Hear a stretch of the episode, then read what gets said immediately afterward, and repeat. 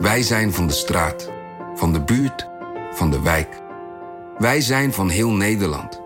Samen zorgen we voor vrolijkheid, verbinding, feest. Samen brengen we in één jaar tijd 349 miljoen euro bij elkaar. Miljoenen waarmee onze goede doelenpartners de wereld groener, gezonder en rechtvaardiger kunnen maken. Nationale Postcode Loterij. Samen voor een betere wereld. Artificial intelligence verlegt ondernemersgrenzen. Maar hoe werkt dat voor u? Als transformatiepartner helpt Capgemini u kansen te ontdekken en benutten, zodat we uw ideeën tot leven brengen. Vorm uw eigen mogelijkheden met generative AI. Ontdek meer op capgemini.nl/slash AI. Capgemini. Get the future you want.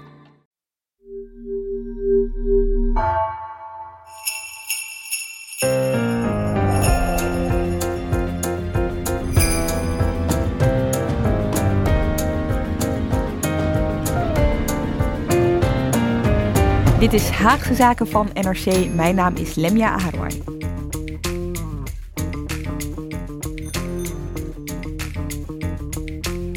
Alles leek dit jaar in de politiek, maar zeker ook daarbuiten om één ding te draaien en dat is corona. Maar 2020 was het jaar van meer politieke onderwerpen. Denk aan de toeslagenaffaire, CETA, het vluchtelingenkamp Moria, het pensioenakkoord, de stikstofwet. Het was ook het jaar van partijen die uh, ruzie kregen intern en dat dan in het openbaar uitvochten, zoals bij Denk bijvoorbeeld. Van partijen die implodeerden, zoals Forum voor Democratie. Er waren politici die zich afsplitsten om een eigen partij te beginnen, bijvoorbeeld Henk Krol. En het was het jaar van de lijsttrekkers. Bij het CDA even Hugo de Jonge, inmiddels Wopke Hoekstra. Bij D66 Sigrid Kaag. Het hele politieke jaar gaan we in deze extra lange eindejaarspecial niet bespreken. Maar je hoort straks wel een groot deel van de politieke redactie over het politieke moment dat ze bijblijft uit 2020. Een deel doet dat op afstand, van ja, die lockdown raakt ons ook. Een ander deel doet dat hier gezellig bij mij in de studio. Dus uh, ik wil wel alvast vooraf zeggen, vergeef ons af en toe het verschil in geluidskwaliteit. Maar ga lekker achterover zitten. Het is een extra lange aflevering. Je hebt, laten we eerlijk zijn, toch niks beters te doen. Laten we beginnen. En de eerste die aanschuiven zijn uh, Rick Rutte in de studio en Filip de Witwijnen op afstand. Welkom heren. Dankjewel. Jullie uh, willen het uh, hebben over ja, een onderwerp waar ik echt serieus jongens zoveel berichtjes over heb gehad. Wanneer gaat Haagse Zaken het hierover hebben? Rick, namelijk? Forum voor Democratie. Ja, precies. Ja, ik zou je graag willen zeggen wat is daar dit jaar gebeurd. Maar daar hebben we denk ik een paar uur voor nodig. De korte versie. de korte versie. Nou ja, ik denk voor de zoveelste keer dat we hier, het is een cliché, maar bij Forum is het na drie keer gebeurd, een, een ongeluk dat eraan zat te komen. Een accident that was waiting to happen.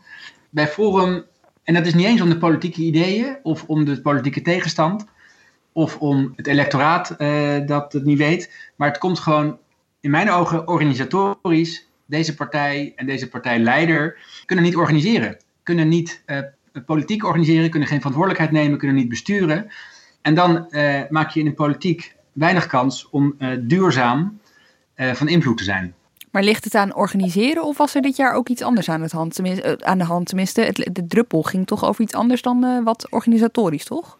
Nou, de druppel was natuurlijk de, het, het, uitlekken van en de berichtgeving over de, de appjes, de extremistische appjes in de jongerenbeweging. Maar Filip heeft gelijk dat er echt wel dat je dit niet los kan zien van, van wat al veel langer Forum teistert. En eigenlijk bijna alle partijen op de, op de, de rechterflank die we de afgelopen twintig jaar erbij hebben gekregen teistert. Dat het enige wat die partijen vaak bijeenhoudt en die leden bijeenhoudt, is dat er een charismatische leider rondloopt.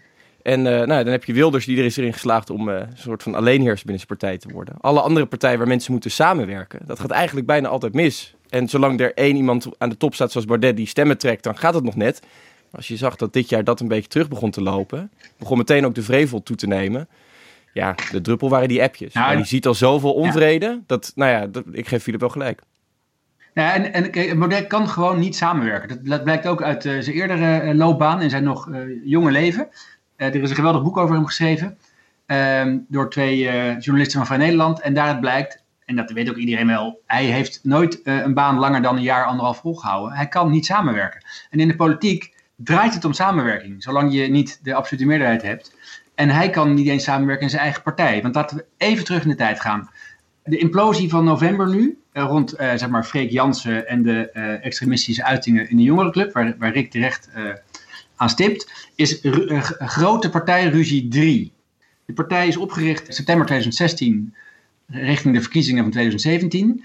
De eerste ruzie ontstond in november 2017. Toen is Paul Frentrop weggegaan. Toen is een van de eerdere mentoren van Baudet, de Hazer Winkelman, weggegaan met ruzie. In uh, februari 18, dezelfde ruzie hebben we nog steeds over, zijn er mensen ontslagen. Zijn er mensen geroyeerd. Uh, beschuldigde Baudet mensen uit de provincie van provinciaal geklooi en amateurisme. En toen zei hij, het zijn onbezonnen ego's die het succes van mij en mijn medeoprichter Henk Otte, mind you, in gevaar brengen. Voor wie het niet met uh, zijn lijn, Ottes lijn eens is, geldt zeg je lidmaatschap op en begin een eigen partij. We hebben het over 2000, begin 2018 nu. 2019, uh, het grote succes van Forum bij de Provinciale Statenverkiezingen was binnen een maand weggepist. Uh, toen de ruzie tussen, tussen Baudet en deze op, op, medeoprichter Otte zich manifesteerde. Daar zat een element van ook van mismanagement in, maar ook vooral van geld. Er is toen heel erg veel met geld geschoven en geklauwd.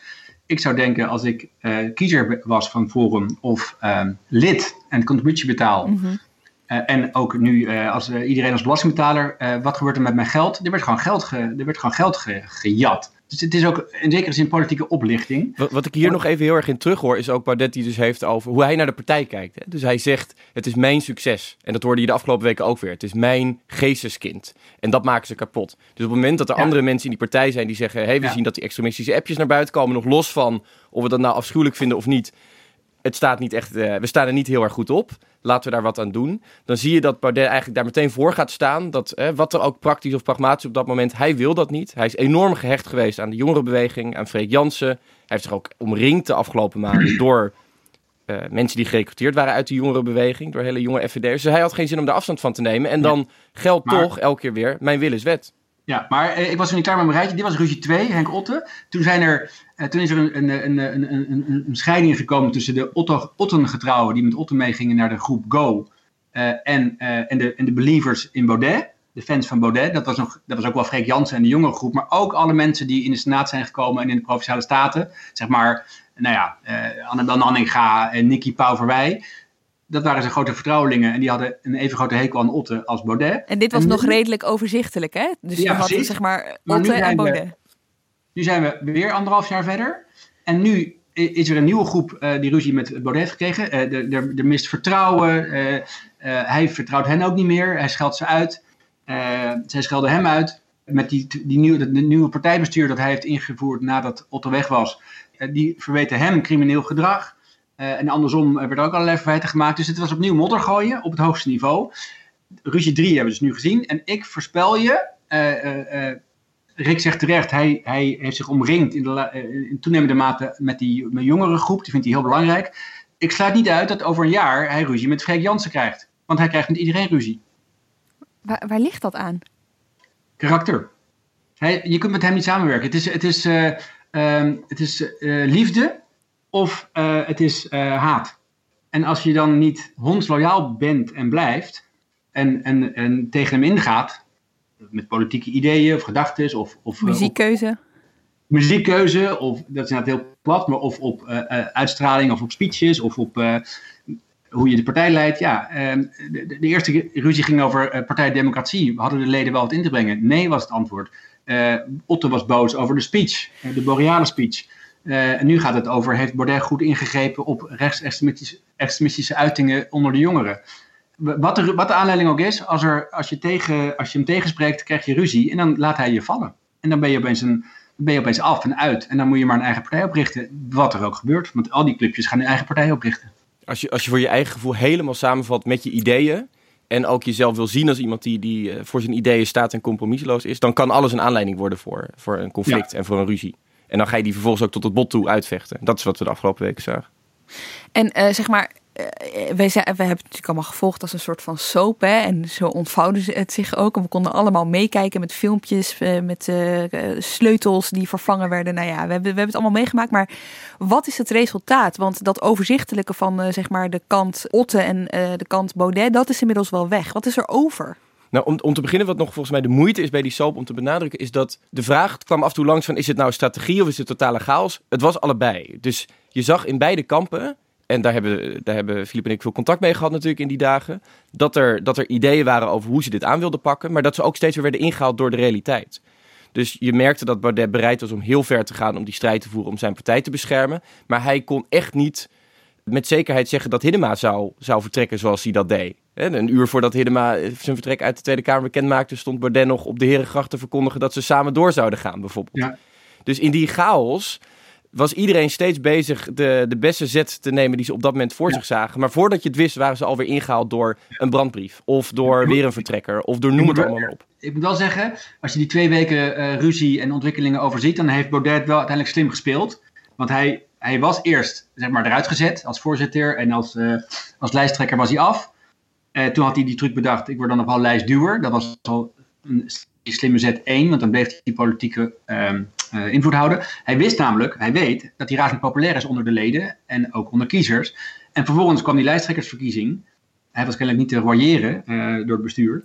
En, en die heeft hij gewoon glansrijk gewonnen. Ook al is er af te dingen op de eerlijkheid van, die, uh, van, die, van het referendum. Maar hij heeft dat gewonnen. En hij, daarmee heeft hij zijn, voorlopig zijn politieke positie in de partij ja, verstevigd. Alleen die partij is natuurlijk uh, totaal leeggelopen op, op politici. Alle volksvertegenwoordigers een beetje zijn vertrokken. Nou, dat is een beetje het punt. En hij heeft nogal wat concurrentie op rechts de komende tijd. Want het aantal partijen dat zich op dat vlak, zeg maar op, die, op, op, op, die kant van het spectrum wil gaan begeven, dat neemt best wel snel toe, hè? Ik kom tot vijf. ik kom nu tot vijf partijen op rechts die Noem zich hebben nou, Code Oranje, die hadden we al. Van oud uh, LPF'er dan uh, Richard de Mos. Die heeft niks met uh, PVV. Maar die was er al. Nou, PVV, sorry, PVV. En dan heb je nou ja, de brokstukken van Forum onder leiding van Thierry Baudet. Dan heb je de groep Otte in de Eerste Kamer en, en sommige en, en, en wat statenleden. Die willen ook met de verkiezingen meedoen, ook uit Forum. Dan heb je de groep Pareren. Dat zijn de senatoren die af zijn gezwaaid nu in november van Forum. En die fractie is met zeven aanzienlijk groter dan uh, Forum nog met twee zetels. Dus die zijn al een partij. Ik weet niet of ze mee willen doen met de Tweede Kamerverkiezingen, maar dat is een brokstuk Forum. En dan heb je de groep Ja 21, het clubje van Nanninga en Joost Eertmans. Zowel oud Forum als oud LPF als oud PVV. Ik weet niet waar Joost allemaal bij heeft gezeten, Joost Eertmans. CDA ook. CDA, Philip, Philip Nanninga zat in eerste instantie bij de fractie van Pareren, toch? Dus dit, dit snap ik niet helemaal. Nee, eh, dat, eh, zo ingewikkeld is het dan ook nog een keer. Het loopt ook een beetje door elkaar heen. Want inderdaad, Nanninga zit ook nog in die fractie in de Eerste Kamer, alhoewel ze is met zwangerschapsverlof. Maar zij kondigt nu aan uh, met die partij mee te gaan doen met de verkiezingen. Ik weet, dus, ik weet niet precies, dat weet je ook misschien jij, Rick, ook iets beter dan ik, wie er van die groep Pareren uit de Senaat, uh, zeg maar, zich bij een nieuwe politieke groepering heeft gemeld of zal melden.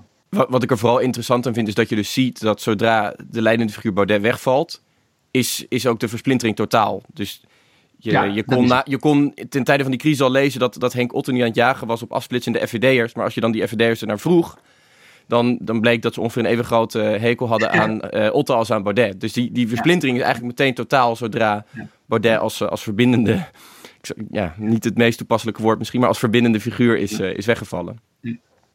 Oké, tot zover FVD en of wat er van over uh, is gebleven. Maar uh, Rick, jij wilde nog iets anders aankaarten als het om deze partij gaat. Ja, de, de coronakoers van, van Forum was wel een van de meest fascinerende uh, trajecten om te volgen dit jaar. En ik denk dat het ook iets zegt over de crisis waar Forum nu in zit. Ja, ik uh, vroeg me af of er draagvlak is in dit huis voor een spoeddebat over het virus dat vanuit China ook onze kant op dreigt te komen. En ik voorspel dat over een paar dagen alsnog die lockdown komt, maar dan is het dus weer achter de feiten aan en weer te laat.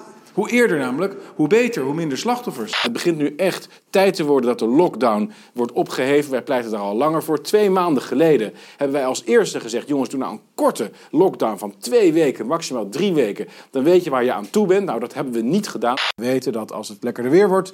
dat het virus dan ook vanzelf eigenlijk al verdwijnt... omdat het uh, ja, sterft door de zon. Inmiddels weten we dat corona gelukkig niet of nauwelijks gevaarlijk is voor het overgrote deel van de bevolking. Een kleine groep mensen loopt gevaar, die moeten we effectief beschermen. En natuurlijk moeten we de capaciteit in de zorg blijven uitbreiden. Maar we moeten stoppen met 17 miljoen mensen op te sluiten. Het is misschien even goed om te vermelden Het eerste moment was in februari ongeveer. Eind januari al. Eind januari al. Hij was, was, een van de eerste. Het laatste moment was ergens hier in december, toch? Ja, en, eh, en ook na de, na de alliantie met, met Wiebelen van Hagen, die nog wel feller is dan, eh, dan Baudet. Wat is hier gebeurd? Nou, wat, wat interessant is, iedereen kan van mening veranderen. Hè? Dat kan, dat is gezond, dat, eh, dat is vaak ook iets om, eh, om toe te juichen. Maar wat we bij Baudet zien is dat hij, niet, dat hij niet zozeer alleen is gaan nadenken over het virus en dacht, nou, misschien valt het toch wel mee of moeten we er anders naar kijken. Maar dat hij eigenlijk steeds voor de troepen uit wilde lopen.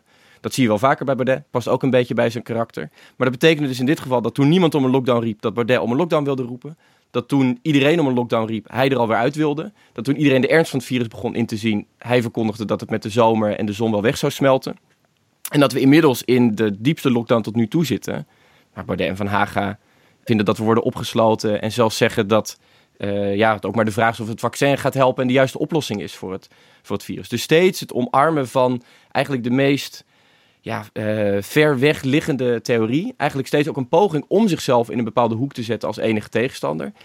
Als we even teruggaan, is dat natuurlijk ongeveer hoe hij het verzet tegen eh, het klimaatakkoord en het Marrakesh-pact destijds heeft gevoerd. Daar kon hij zich presenteren als de enige tegenstander van het beleid. Dus het is een strategie. Het is zeker een strategie. Maar hier is dat zoveel verder eh, doorgeslagen, zou ik zeggen. Dat, ja, dat in elk geval als je er veel stem mee had willen, had willen halen, dat het helemaal is mislukt. Het interessante is dat er natuurlijk wel... Er is ook...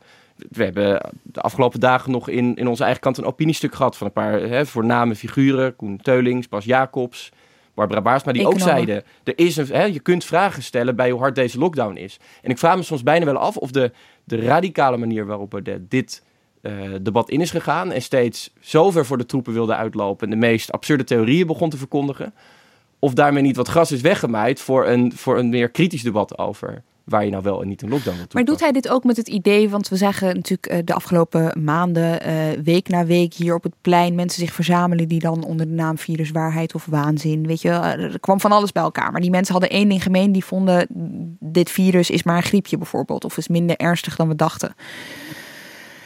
Hoe, weet je, he- heeft hij het idee dat die groep heel groot is? Dat hij daar dus wat kan winnen? Want hij vervreemdt zich tegelijkertijd natuurlijk wel van de over, het overgrote deel van de Nederlanders die wel denkt dat corona echt is, om het maar even zo plat te zeggen. Eh, er is een groep en die is, nou, ze hebben de afgelopen dagen hebben ze 150.000 handtekeningen opgehaald om eh, hè, eh, een einde te maken aan de lockdown. Dus er is een groepje en die staat ook af en toe inderdaad op het plein.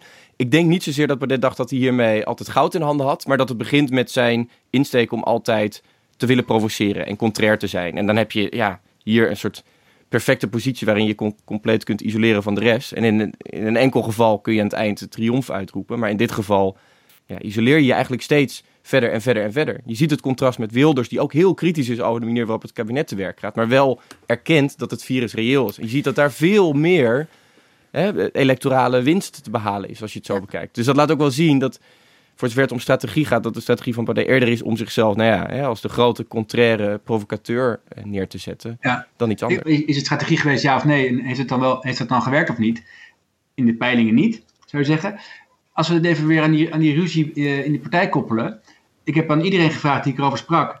Speelde dat nou mee? Dat Baudet's gezag was al een tijdje aan het, eh, aan het glijden. Vanaf nou, zomer, najaar in peilingen. Er waren mensen die zeiden, moeten we niet een lijsttrekkersverkiezing eh, organiseren? Is hij wel de ideale lijsttrekker voor de komende verkiezingen? Iedereen die ik sprak, die zei eh, dat dat geen punt was in november. Het ging niet over zijn coronabeleid of zijn heulen met, eh, met nou ja, de corona, hoe is het? De corona-wappies, corona-gekkies. de anti-corona-demonstrants bedoel je? De anti- ja, precies.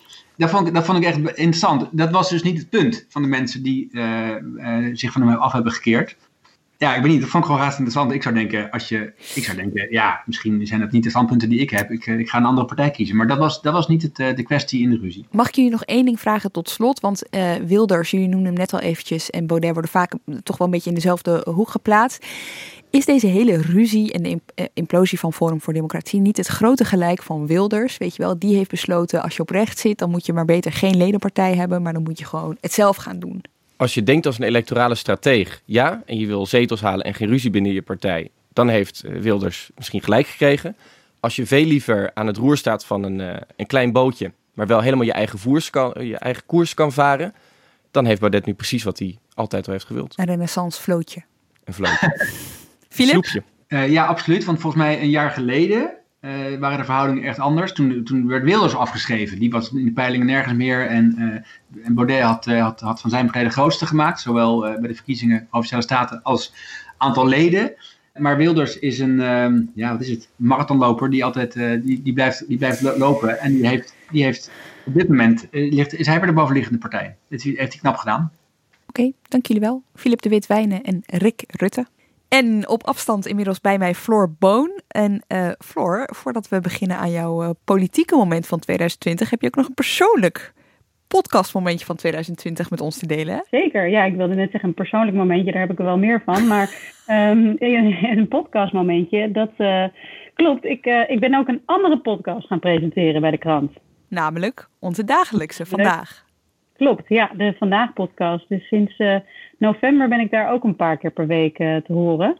Dus mijn stem klinkt ook elders. Ja, en een uh, warme aanbeveling, die podcast, om ook te gaan luisteren. vandaag ben je hier niet om alleen daarover te vertellen, maar ook, ja, je hebt ja, een van de grote dossiers uit 2020 eigenlijk die een beetje in het water is gevallen door corona. Maar toch, vertel erover. Ja, dit is iets wat helemaal niet gaat over corona. dit gaat over migratie namelijk. Een van de grote thema's van ja, dit kabinet ook. En een van de meest moeizame thema's van dit kabinet. In, in algemene zin gaat het over de, ja, de vreselijke situatie die al jaren aan de gang is eigenlijk in de vluchtelingenkampen op de Griekse eilanden en op het Griekse vasteland. En dit gaat specifiek over het eh, vluchtelingenkamp Moria op het eiland Lesbos. Want daar brak begin september een grote brand uit en dat hele kamp werd zo ongeveer weggevaagd. En de discussie die toen opnieuw opkwam en die eigenlijk al veel langer speelde, was: is Nederland nou mede verantwoordelijk voor de migratiecrisis die zich ook afspeelt aan die randen van Europa? Ik bedoel, wij krijgen mensen, hè, er komen mensen naar Nederland, maar daar is de situatie veel erger. En concreet eigenlijk op welke manier dan? Dus moet Nederland kinderen, minderjarigen of andere vluchtelingen opnemen? Of niet? En dat is eigenlijk een, ja, een kwestie die al heel lang het kabinet ontzettend verdeelt. En in het voorjaar deed de eurocommissaris Ilva Johansson al een oproep aan alle lidstaten om te vragen van neem alsjeblieft, uh, dat ging over minderjarige vluchtelingenkinderen op. Want het, hè, die, die Griekse eilanden die, die redden het niet meer. Dat systeem dat kraakt. En meerdere landen zeggen het toe, maar Nederland heeft altijd gezegd nee, dat doen we niet. En uh, je noemde net al eventjes het kabinet. Er zijn eigenlijk twee hoofdrolspelers waar je dit jaar op hebt gelet, hè?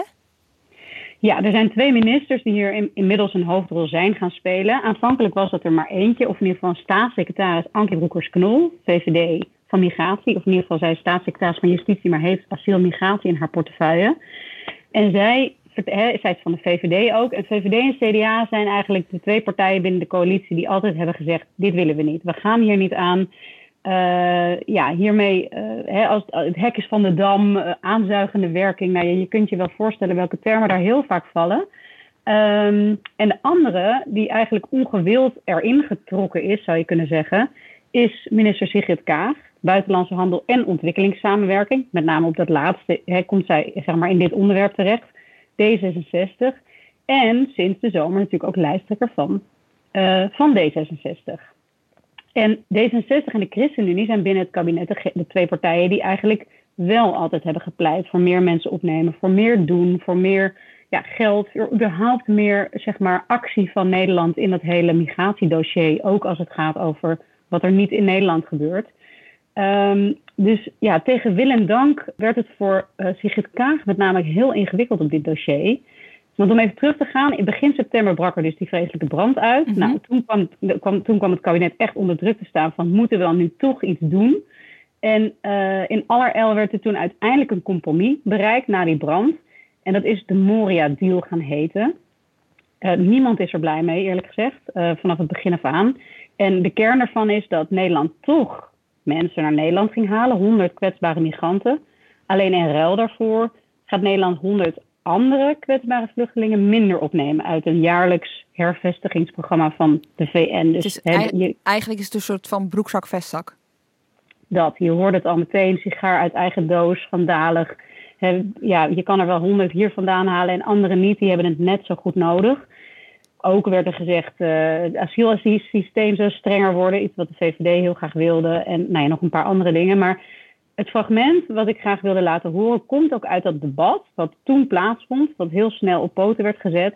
En waar je hoort dat um, Sigrid Kaag het ook echt uh, even lastig krijgt. Uh, Adje Kuiken, woordvoerder op dit dossier van de PvdA, is eerst aan het woord en dan Sigrid Kaag. Waar was het kabinet in deze crisis? En was het nou echt te veel moeite om gewoon een oprecht gebaar te maken... in plaats van een handeltje, wat het nu toch is geworden... namelijk de ene kwetsbare vluchteling voor de andere kwetsbare vluchteling... en bovendien nog een cadeautje voor de VVD ook, namelijk een strenger asielbeleid. Dus ik vraag voor de laatste keer, waar was minister Kaag in dit gesprek en waarom heeft het kabinet ook niet gewoon een ruimhartig gebaar gedaan? Ik snap het oprecht niet. De minister. Ik, uh, ik geloof niet dat ik iets uh, additioneels heb toe te voegen. Het zal een herhaling van, van tekst zijn. Mevrouw Kuiken. Voorzitter, ben, ik ben, val gewoon stil, geloof ik. ik. Ik stel hier een oprechte vraag. Ik zat dit debat ook te kijken, Floor. En het viel me ook echt op. Eigenlijk Kaag uh, weigerde gewoon zo'n beetje uh, vragen te beantwoorden. En ze, ja, ze jaagde de, uh, de, de, Kamer ook echt tegen zich in het harnas. Ja, ze stelde zich echt heel erg regentesk op eigenlijk. Van dit is wat het kabinet heeft besloten en dit is wat we doen.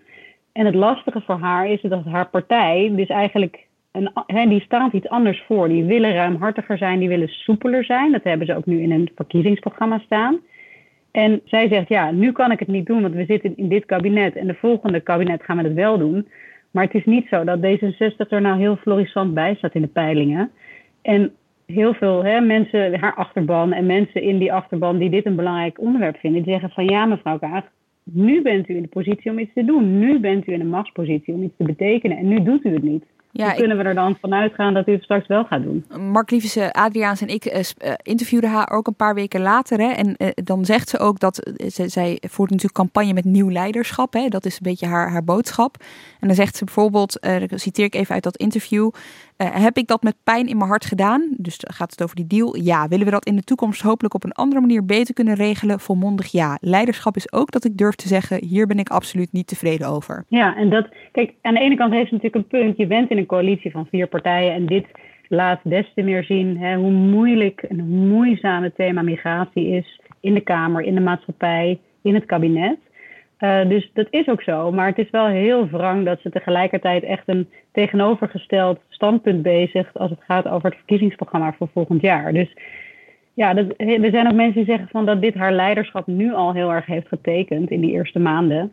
Ook omdat er daarna is er nog, er zijn heel veel moties over ingediend. Er is nog heel erg veel over gepraat in de Kamer. En nu net werd bekend dat dan de eerste, geloof 50 vluchtelingen uit Lesbos in Nederland zijn gekomen. Maar nog steeds geen 100. Hè. Dat, is al, dit gebeurde begin september. We zitten nu eind december. Dus ja, weet je, er, er ontstaat wel behoorlijk wat ongeduld met uh, wat, wat gebeurt hier nu eigenlijk. En tot slot, het laat ook echt zien hoe moeizaam het gaat worden, dit thema. Want hoe, hoe moeilijk het nu al is in die Kamer om hier een gezamenlijk compromis over te bereiken waar mensen tevreden over zijn. Hè? Een compromis waar echt, waarvan wordt gezegd, dit is een goed compromis.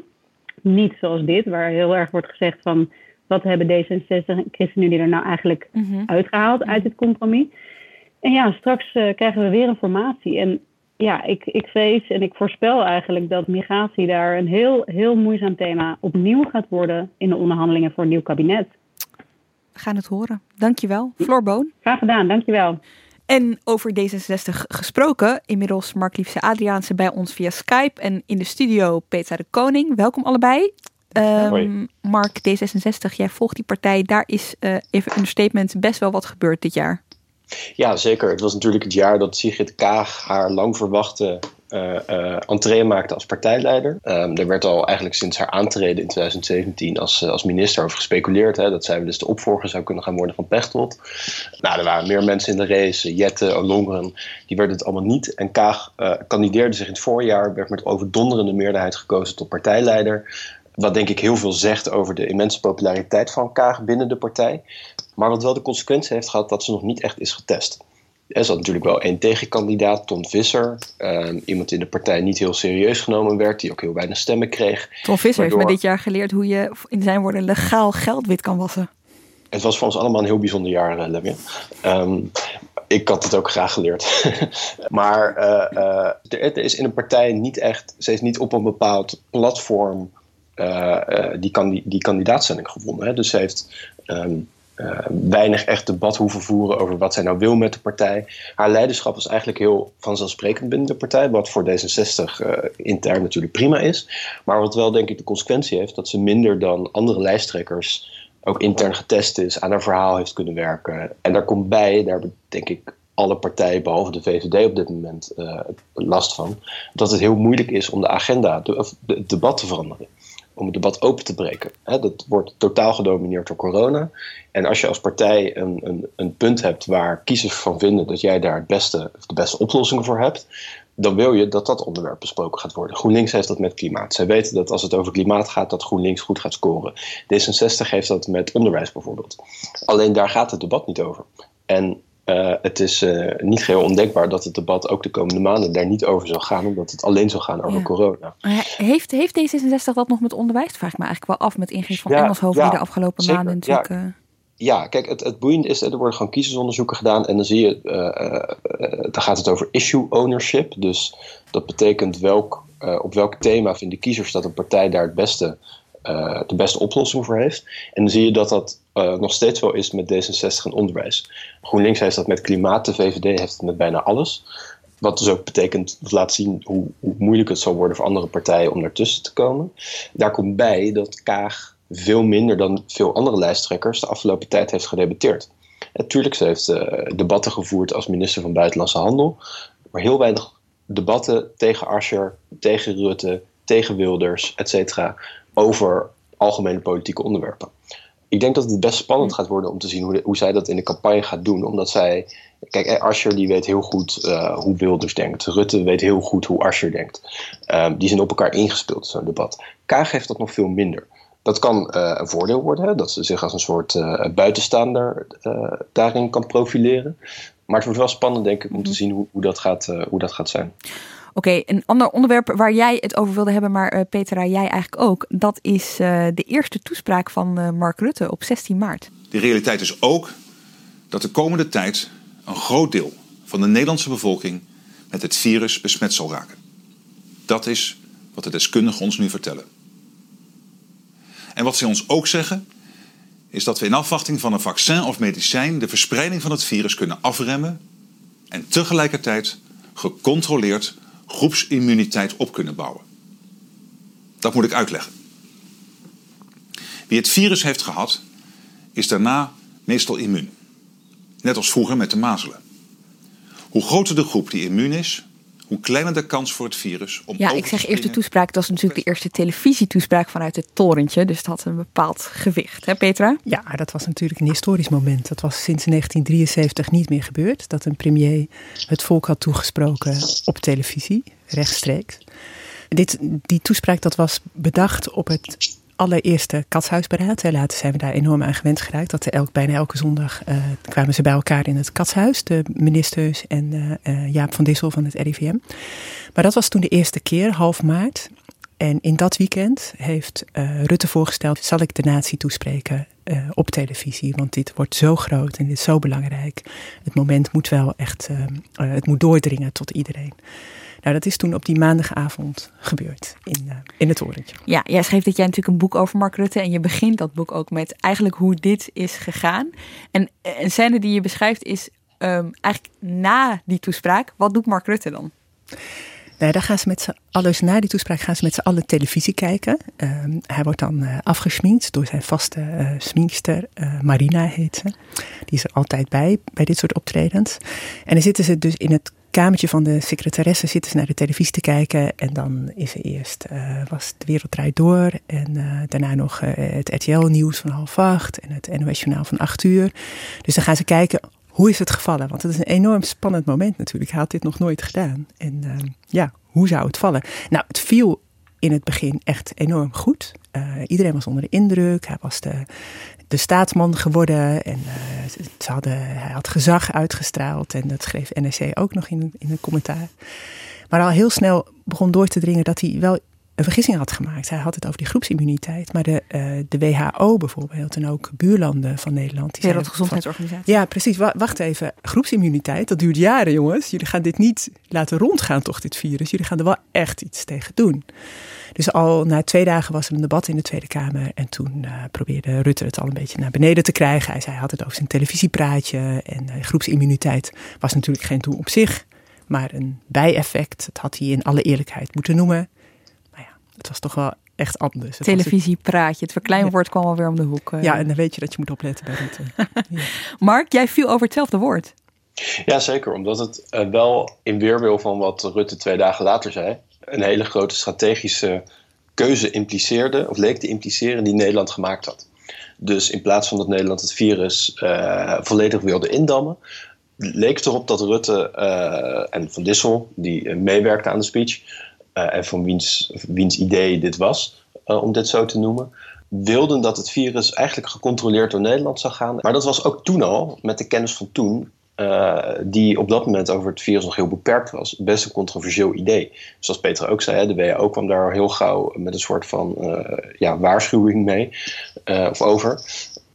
ik denk hoe, hoe, meer we weten over het virus, hoe, hoe eigenaardiger het was dat Rutte dit in die speech zo zei.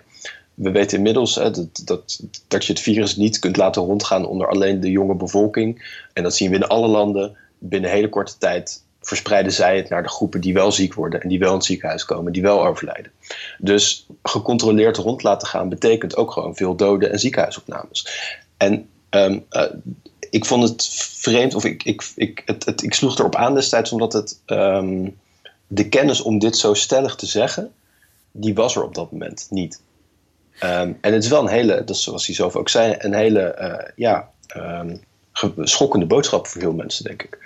Um, ik denk dat het ook een interessante uitspraak is, omdat het, uh, en dat is een constant in deze crisis, dat je met name voor de zomer, uh, maar Hugo de Jonge doet dat de laatste tijd ook nog wel, er regelmatig met een bepaalde stelligheid gesproken wordt over dingen waar heel weinig zekerheid over is. En dat zag je bijvoorbeeld met de testcapaciteit, wat allemaal goed zou komen, bronnen-contactonderzoek, uh, het voorkomen van de tweede golf en toen het, het neerslaan van de tweede golf. Ja, want jij, um, jij, schreef, jij schreef dit jaar uh, twee uh, grote reconstructies samen met Dirk Stokmans hè, over het coronabeleid en hoe dat werd bedacht eigenlijk, hoe dat is gegaan. En dit was het patroon, hè, die stelligheid en dus eigenlijk meer beloven dan dat er waargemaakt kan worden. Ja, precies. En, en dat zag je denk ik in deze speech ook een beetje terug. Dus dat er een soort beeld uh, gepresenteerd wordt. Mm -hmm. Met heel veel zekerheid, met heel veel stelligheid, met heel veel zelfvertrouwen. Over iets waar op dat moment gewoon uh, niet met zekerheid te spreken valt. Maar uh, Petra, schrok Rutte hiervan? Want hij begon dus, zeg maar, dat is het startpunt, is die speech, hè, waarin hij dus groepsimmuniteit noemt. Het eindpunt, om het maar even zo te zeggen, is dat hij in de Kamer zei: Ik kan me helemaal niks herinneren van een speech waarin ik groepsimmuniteit als strategie heb gepresenteerd. Ja, ja dat was weer wat later.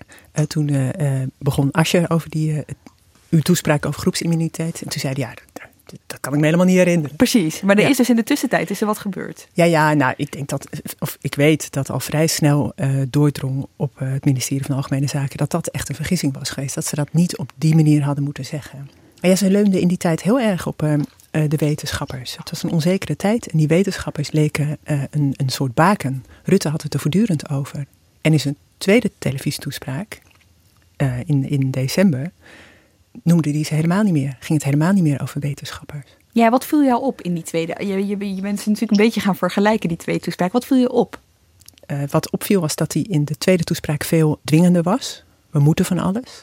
Ik heb ook dat, dat woord geteld. Moeten kwam er 17 keer in voor. Uh, het, was, het was dwingender. Het was, uh, weet je, in het begin was iedereen nog zo onder de indruk en, en bezorgd en bang. En in de, in de loop van het jaar is gebleken dat mensen daar misschien wel wat minder uh, gevoelig voor zijn en minder goed luisteren. En hij vond, Rutte vond van zichzelf ook wel dat hij misschien heel lang wat te vrijblijvend was geweest. Bij de hij, hij, zei let, ik, ik hoorde bij die persconferenties vaak zeggen: ik ga je, een soort van de boodschap was even vrij vertaald, ik ga je niet smeken, je zijn allemaal volwassen. Precies. Hou je aan de regels, ja. uh, maar ik ga, ik ga niet op mijn knieën om het, om het te vragen. Ja, en daar heeft hij na de zomer veel kritiek op gekregen in de Tweede Kamer. En toen heeft hij gezegd: oké, okay, dat is misschien ook wel zo, dat zal ik niet meer doen. En dat heeft hij daarna ook niet meer gedaan. Daarna heeft hij niet meer gezegd: uh, ja jongens, jullie, uh, jullie zijn zelf volwassen, jullie weten wat er op het spel staat. Dat heeft hij niet meer gedaan. Maar Petra, het is ook wel een beetje een botsing met zijn mensbeeld, toch? Want hij gaat heel erg uit, en dat zie je, ik vond dat dat ook heel erg uit je boek bleek, um, uit van um, rationele burgers die verantwoordelijk zijn en die je niet moet paternaliseren als de overheid.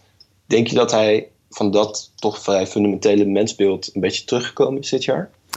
Nou, we, eh, we uh, hebben hem ook nog geïnterviewd uh, voor de kerstbijlage van NSC. En um, daarin zegt hij ook dat hij is gaan nadenken over zijn eigen rol en ook over, over al die, die ideeën van hem. Maar het is zeker zo dat hij in principe vindt dat mensen alles zelf moeten weten als ze maar binnen de wet blijven en uh, geen beroep doen op allerlei voorzieningen als ze die niet nodig hebben. Weet je, leven en laten leven, dat is eigenlijk zijn belangrijkste um, filosofie. En dat heeft hij moeten bijstellen, ja. Dus hij, heeft, hij is zich anders gaan gedragen onder invloed van de omstandigheden. En mensen om hem heen hebben ook wel gezien dat dat hem bij tijd en wijle flink wat moeite kostte. Ja, dit is niet zijn natuurlijke houding. Hij, hij heeft geen zin om zich met het gedrag van mensen te gaan bemoeien, eigenlijk. Maar hij kon niet anders. Dus is dit een soort van intrinsieke uh, verandering van, van, van instelling? Of, of denkt hij gewoon van ja, dit is nou eenmaal hoe het nu moet, dus ik ga me nu zo gedragen? Ja, Rutte is, is, vrij, is wel gewoon in een bepaalde rol te brengen door mensen om hem heen. Dat heeft hij ook bij de VVD uh, de afgelopen tien jaar laten zien. Weet je, als ze vinden dat hij zich anders moet gaan gedragen, dan, en hij ziet dat ook in, dan gaat hij dat doen. Dus en wie zijn is, dat, die mensen om hem heen? Ja, daar zijn we natuurlijk wel benieuwd naar. Ja, allerlei mensen op het ministerie van uh, Algemene Zaken heeft hij natuurlijk zijn, uh, de Rijksvoorlichtingsdienst waar mensen zitten. Er zijn uh, politieke analisten. bij de VVD heeft hij spindokters, allerlei adviseurs en gewoon inhoudelijk sterke mensen die, die zich daarmee bemoeien. Bovendien, de VVD doet ook altijd onderzoek. Hè? Die doet voortdurend kiezersonderzoek. Dus die weten ook wat, het volk wil. Wat het volk wil, wat hun achterban wil. En daar past Rutte zich dan op aan? Nou ja, bij tijd en wijle, ja zeker. Dat doen alle partijen. Zeker. Leiders misschien wel. Zeker. Hey, uh, nog even iets, even, even, los van de inhoud. Want zo'n uh, tv-toespraak geeft ons natuurlijk ook een blik in het torentje. Uh, en alles is altijd heel netjes om hem heen neergelegd. En daar is natuurlijk heel lang over nagedacht. Zag je verschillen? Ja, er waren wel wat verschillen. hij had, en ehm, hij had e-book over de MH17 uh, heeft hij wat prominenter in beeld gelegd. Dat heeft hij ons ook verteld in dat interview dat we met hem hadden. Want hij had net, net voor zijn tweede televisietoespraak weer een bijeenkomst gehad met nabestaanden van de, uh, de slachtoffers van de MH17. En hij wilde dat ze dat boek zouden zien. Hij wilde dat ze zouden zien dat het hem heel erg bezighoudt. Want het was, zei die, weer heel indrukwekkend geweest. Dus hij had dat boek wat, wat meer naar voren gelegd. Wat ik heb één gewoon naar, is de stropdas. oh ja, ja, stropdas. Ja, ja, ja, nee, maar dat was inderdaad niet, niet, de, niet de dingen om hem heen. Maar wat hij er zelf van had geleerd van zijn eerste optreden, vertelde hij aan ons in, de, in dat interview, was dat zijn stropdas te veel heen en weer was gegaan. Dat was een soort klok en klepel die heen en weer ging. En, uh, dus die had hij vastgeplakt met een plakbandje, jongens. Mark, dus als je ooit ergens bent en je stropdas moet, luister je goed mee? Schrijf je mee? Nee, ik, maar je hebt toch van die speltjes? Heb je of dat? is dat heel oudbollig? Ik denk dat een, een, vanaf nu plakbandjes het uh, absoluut gaan maken. Ja. Oké, okay, dank jullie wel. Peter de Koning en Mark Liefse Adriaanse. Graag gedaan. En de volgende op afstand bij ons is Stefan Alonso. Ik zou zeggen, uh, Stefan, uh, ja, wat is voor jou het bepaalde politieke moment uit 2020 geweest? Nou ja, uh, moment. Het, de rol van Rutte in Europa was natuurlijk heel erg interessant. En vooral ook de debatten die dat opleverde in de Tweede Kamer zelf. En wat ik vooral interessant vond, was de, de, de, ja, de, de, de woordenwisseling tussen Wilders en Rutte recent over Viktor Orban, de Hongaarse premier. Hadden wij in Nederland maar een premier als de heer Orbán. De heer Rutte heeft niet de helft van het lef, heeft niet de helft van de politieke ballen die de heer Orbán heeft. We hebben een minister-president die het liefst de hele dag de hielen likt van de heer Macron en mevrouw Merkel en de Nederlandse kiezer, de Nederlandse belastingbetaler, 100 miljard euro aan bijdragen aan het miljarden, financieel kader en aan het coronafonds helpt. Doe dat niet. Hou er mee op. Toon aan dat hij ook ballen heeft, dat hij ook een ruggengraat heeft. En geef die 100 miljard uit. Nogmaals, hier in Nederland. Onze pensioenen, onze gepensioneerden um, uh, zien hun pensioen als sneeuw voor de zon verdwijnen. De zorgmensen hebben een extra salaris nodig. Besteed het geld hier in Nederland. Doe wat Rutte doet. Waarom hebben wij zo'n slappeling als premier? De minister-president. Voorzitter, er is sprake van dat Nederland via dat herstelfonds 100 miljard ergens aan uitgeeft. Echt niet in de verste verte, vanzelfsprekend niet. Dat zou inderdaad idioot zijn. Maar ik blijk nu een voorbeeld te moeten nemen aan de heer Orbán. Dus ik moet homorechten in Nederland gaan beperken. Ik moet uh, de persvrijheid in Nederland beperken. Ik moet het recht van kleinere partijen om deel te nemen aan de, aan de verkiezingen beperken. Ben ik even blij dat ik niet op die man lijk? Verschrikkelijk. Wie horen we hier nou uh, op de bankjes trommelen? Nou ja, eigenlijk iedereen in de Tweede Kamer hier. Want uh, ja, wie is er nou tegen de rechtsstaat? Ja, niemand. Hè? Uh, dus Wilders uh, heeft hier een, een, een, vrij ingewikkeld verhaal over dat, dat we een soort Orbán zouden moeten hebben in, in Nederland. Maar ja, Orbán, hè, dat is, dat is, daar is iedereen het wel over eens. Dat is de man die de rechtsstaat in zijn eigen land heeft afgebroken de afgelopen tien jaar, hè, die rechters aanvalt, die minderheden aanvalt, die ook ja, een soort antisemitische ondertoon heeft in zijn beleid, et cetera. Dus eigenlijk Orbán staat voor alles Waar, waar Wilders zelf ook niet voor zegt te staan. En toch verdedigt hij deze man, puur en alleen maar omdat deze man tegen Europa is. Je ziet dat Rutte daar eigenlijk op een vrij makkelijke, slimme manier uh, uh, gewoon gehakt van maakt. En, en zegt van ja, dus ik moet, ik moet nu in Nederland moet ik al die dingen gaan doen die Orbán heeft gedaan. Nee, bedankt. Dat, is eigenlijk wat je ziet. Dit, dit debat was op, op 17 november, waar we net een, een stukje van, van hoorden. Dat was een, een belangrijk moment, want Rutte ging daarna terug naar Europa om het te hebben over het fonds, hè, het coronafonds en de voorwaarden daaraan. Dat is, dat is dit jaar een, een behoorlijk belangrijk onderwerp geweest voor Rutte, maar ook zeker Hoekstra als het gaat om het Europa-dossier. Ja, wat, wat, wat ontzettend interessant uh, was om te zien afgelopen jaar was dat Nederland begon een beetje als de boeman van Europa. Hè, omdat uh, er moest gesproken worden over al die miljarden die, uh, die, die naar landen moesten die zeg maar, in de problemen dreigden te komen door, door corona, in, door, in, de, in de economische problemen vooral. Um, nou, dat was een heel ingewikkeld top was dat in juli. Die duurde echt dagenlang. En Nederland was de hele tijd het land wat dwars lag. En, en Rutte was de hele tijd de, de, de man die zeg maar, waar iedereen naar keek. Uiteindelijk is dat, is dat, is dat uh, miljardenfonds er gekomen. En toen moest Rutte dus terug naar Nederland met, met het verhaal van ja, uh, er gaan toch weer miljarden naar Europa. Wat hij altijd heel vervelend vindt om te moeten vertellen, dat verhaal. Ook al, ook al kun je ook daar het andere verhaal bij vertellen, dat we daar als Nederland zelf ook heel erg veel van profiteren. Maar goed, dat vindt hij een lastig verhaal. Mm -hmm. Dus het, het was interessant om te zien hoe hij zich zeg maar, ontwikkelde van boeman tot verdediger van de rechtsstaat. En eigenlijk kun je zeggen dat Wilders hem daarbij een handje heeft En, en, mag ik toch nog even terug naar dat moment in juli? Hè? Want in, zeg maar, in, in media, zeker ook internationale media, was Wopke Hoekstra een beetje de boeman. Hè? Die had een aantal uitspraken gedaan over um, de voorwaarden die gesteld moesten worden, bijvoorbeeld. En over, hij was best wel stellig in dat, in, in, in, dat dat fonds er niet zou moeten komen op, op, op de manier waarop uh, veel landen dat wel zouden willen. Rutte was toen heel lang niet te horen. Hè? Wat, wat, wat gebeurde daar? Was, was Rutte het eigenlijk oneens met Hoekstra? Nee, ik denk dat hij het heel erg eens was met, uh, met, uh, met Hoekstra. Maar hij dacht gewoon, uh, los jij het maar op. Ja, en het was, ik, ik, ik, kijk, het, het, was natuurlijk een beetje een ongelukkige handelswijze van Hoekstra. Ik denk niet dat Rutte met die opdracht naar Europa heeft gestuurd. Want ga dit iedereen maar even onder de neus wrijven. Want wat Hoekstra eigenlijk deed, is dat hij dus op het moment dat hè, zeg maar de, de, de, de, de, de doden werden begraven in, in Italië, de coronadoden, en dat was echt een beetje, dat voelde op dat moment echt als het hoogtepunt van de crisis. Uh, toen begon hij zeg maar te zeggen van ja, maar het, het, het, het, het onderliggende probleem is, is dat jullie geen appeltje voor de dorst hebben en wij wel, want wij hebben jarenlang bezuinigd, wij hebben jarenlang hervormd en jullie hebben dat niet gedaan. En die boodschap kwam gewoon heel hard aan. Je zag dat de Italianen woest waren, de Spanjaarden, de Portugezen, de Fransen, zelfs de Duitsers, hè, met wie we doorgaans goed kunnen vinden, mm -hmm. die, die, die hadden een beetje de pest aan ons.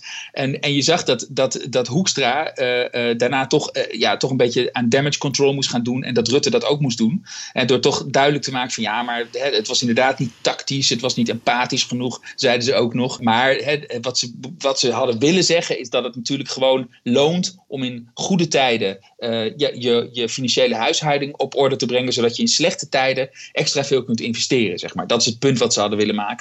Maar de, de timing was natuurlijk verschrikkelijk. En uh, tot slot, we hadden het net al eventjes over Hongarije. Hongarije en Polen is natuurlijk een beetje een blok aan het been aan het worden van, uh, van de EU. Hè? Uh, die er andere rechtsstatelijke normen op nahouden dan de rest van de EU, zal ik maar eventjes kort door de bocht zeggen. Hoe gaat dat? Is, is, wordt dit volgend jaar uh, nog een, een, thema? Is dit iets waar je op, op gaat letten, waar wij op moeten gaan letten? Ik denk dat we daar ontzettend op moeten gaan letten. Uh, uh, kijk, Hongarije is al wat langer bezig met dit proces. En, en, en het, het, het is, bedoel, de, de weg terug is steeds moeilijker voorstelbaar. Want, ja. ja. want, want Orbán is al, al tien jaar aan de macht, et cetera. Polen, Polen is, is, is wat korter. Je ziet, maar je ziet wel dat Polen nu langzamerhand ook uh, die, die, die, die, ja, zeg maar die, die, dat point of no return of zo aan het maken is, wat uh, Hongarije ook aan het maken is. Dus dat is heel zorgwekkend. Dus het is ook heel erg terecht dat Rutte hier een groot punt van maakt. Weet je wel? Want de, de EU kan gewoon niet functioneren als we het niet eens zijn over de basisprincipes van de rechtsstaat. En als we ook het vertrouwen niet in elkaar hebben dat elkaars uh, rechters uh, uh, ook daadwerkelijk recht spreken op een onafhankelijke, niet-partijdige manier. dus dat, het, is, het, is, het is een ontzettend belangrijk thema. Maar het is ook een heel moeilijk thema, omdat we natuurlijk in de EU hebben afgesproken dat, dat, dat we een, een, een, een, een, ja, we zijn een unie van, van soevereine landen ja. in zekere zin. Hè? Dus we kunnen elkaar niet zomaar dingen opleggen.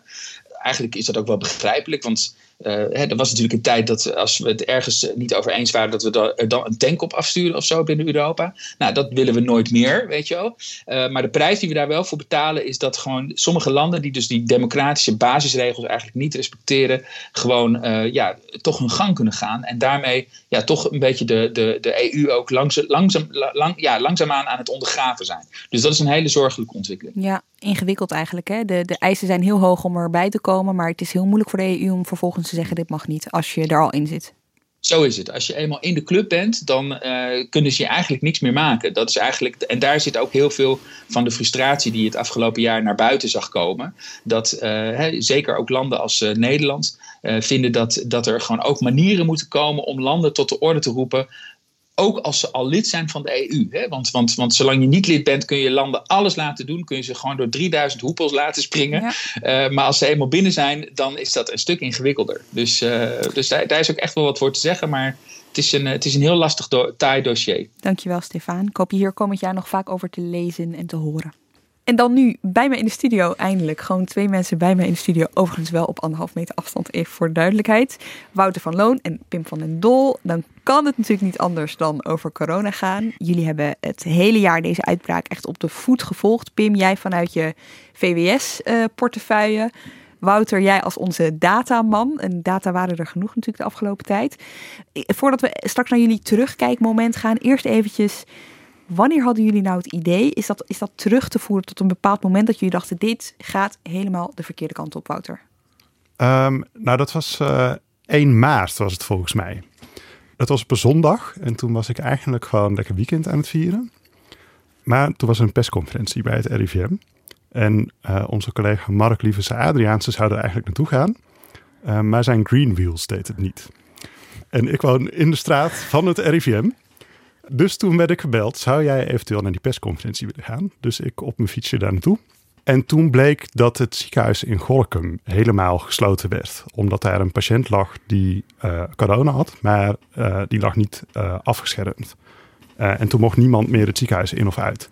En toen dacht ik, hier hebben we misschien wel een probleem. 1 maart. 1 maart, ja. Dus ik was er laat bij zou je kunnen zeggen. Of vroeg. Het is, even, het is maar even hoe je bekijkt eh, als je naar kabinetsbeleid kijkt. Uh, Pim, jij. Uh, ik zou deze uitzending eigenlijk willen aangrijpen om iets op te biechten. Namelijk hoe erg ik het coronavirus heb onderschat. Uh, ik kwam eind januari namelijk terug van vakantie in Indonesië. Dat, dat komt toen nog, in januari. Lijkt inderdaad jaren geleden.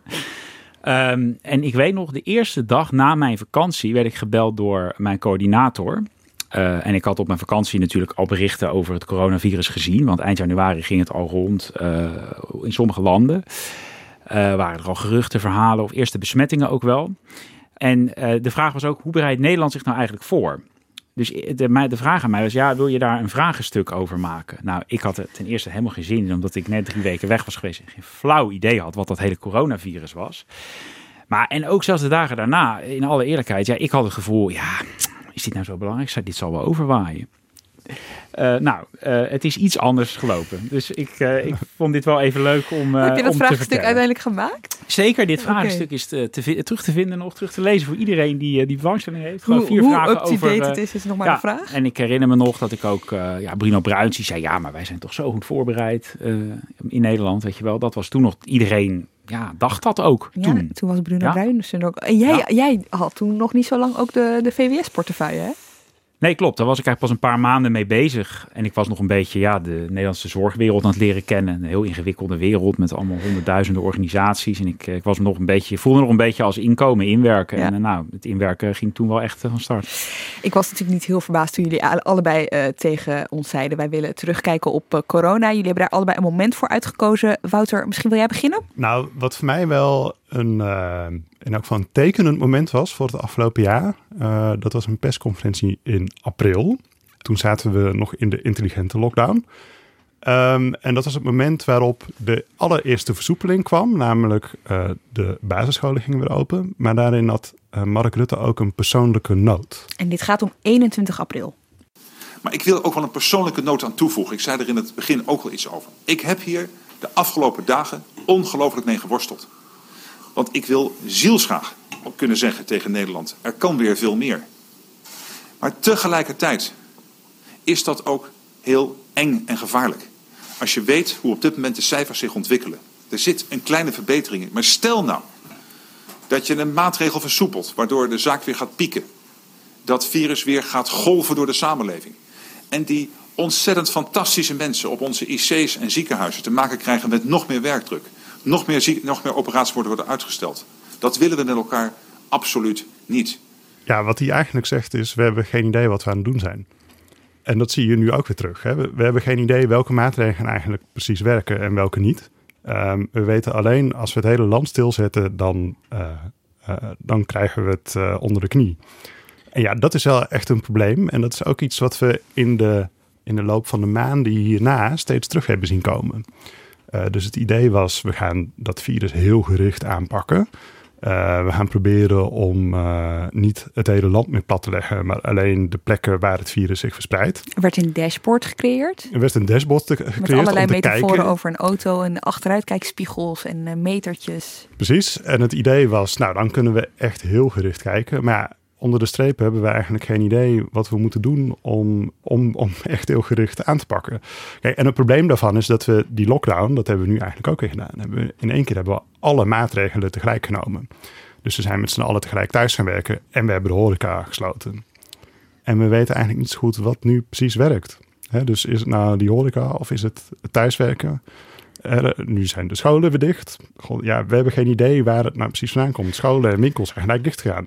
Maar, eh, maar zeg je nu eigenlijk dat het kabinet al die tijd, dus al die maanden tot nu toe, want soms, soms zeiden ze wel bijvoorbeeld van we zien dat de meeste eh, besmettingen hier plaatsvinden, weet je wel. Maar was dat Ja. dan, eh, had dat een basis? Ja, de- dat is op basis van bron- en contactonderzoek. Dus als iemand besmet is geraakt, die wordt door de GGD's gebeld. Waar ben je allemaal geweest? Met wie heb je contact gehad? Ehm, en al die contacten worden dan gebeld en dan wordt gekeken wie is hier nog meer ziek geworden. Wie was er eerder ziek dan de persoon die, eh, waar we het onderzoek mee starten. En dan kunnen we misschien zien waar komt die besmetting vandaan. Nou, in, in een gezin is dat heel makkelijk, want dan kun je zien oké, dit is persoon A, die werd op, eh, eh, op 1 december ziek. En dit is persoon B, die werd op 25 november ziek. Nou, die zullen elkaar wel hebben aangestoken.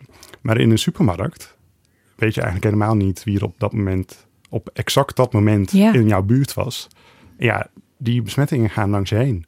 Dus de meeste eh, besmettingen worden gevonden bij, of in situaties waar het heel duidelijk is wie er in jouw buurt was.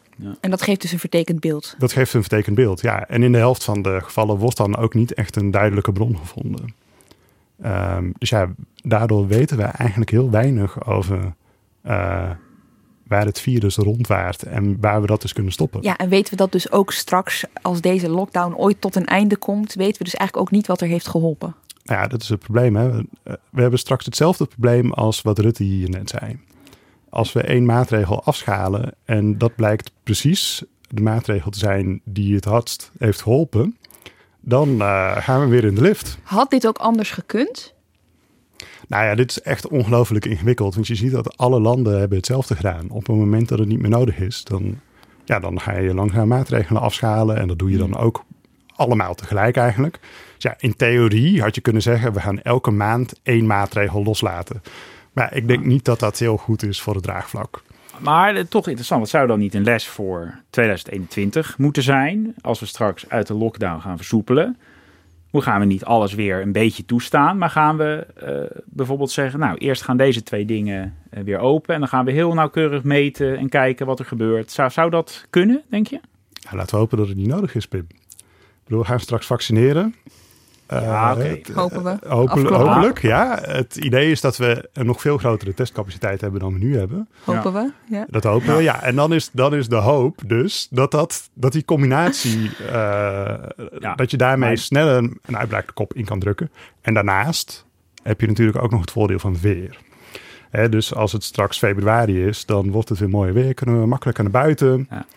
Uh, nou, daar besmet je mensen wat minder. Hè, dat, is ook, dat zag je ook in maart. Hè. Toen, toen hadden we uh, de wind in de rug, zou je kunnen zeggen. Mm -hmm. En nu hebben we hem een beetje tegen.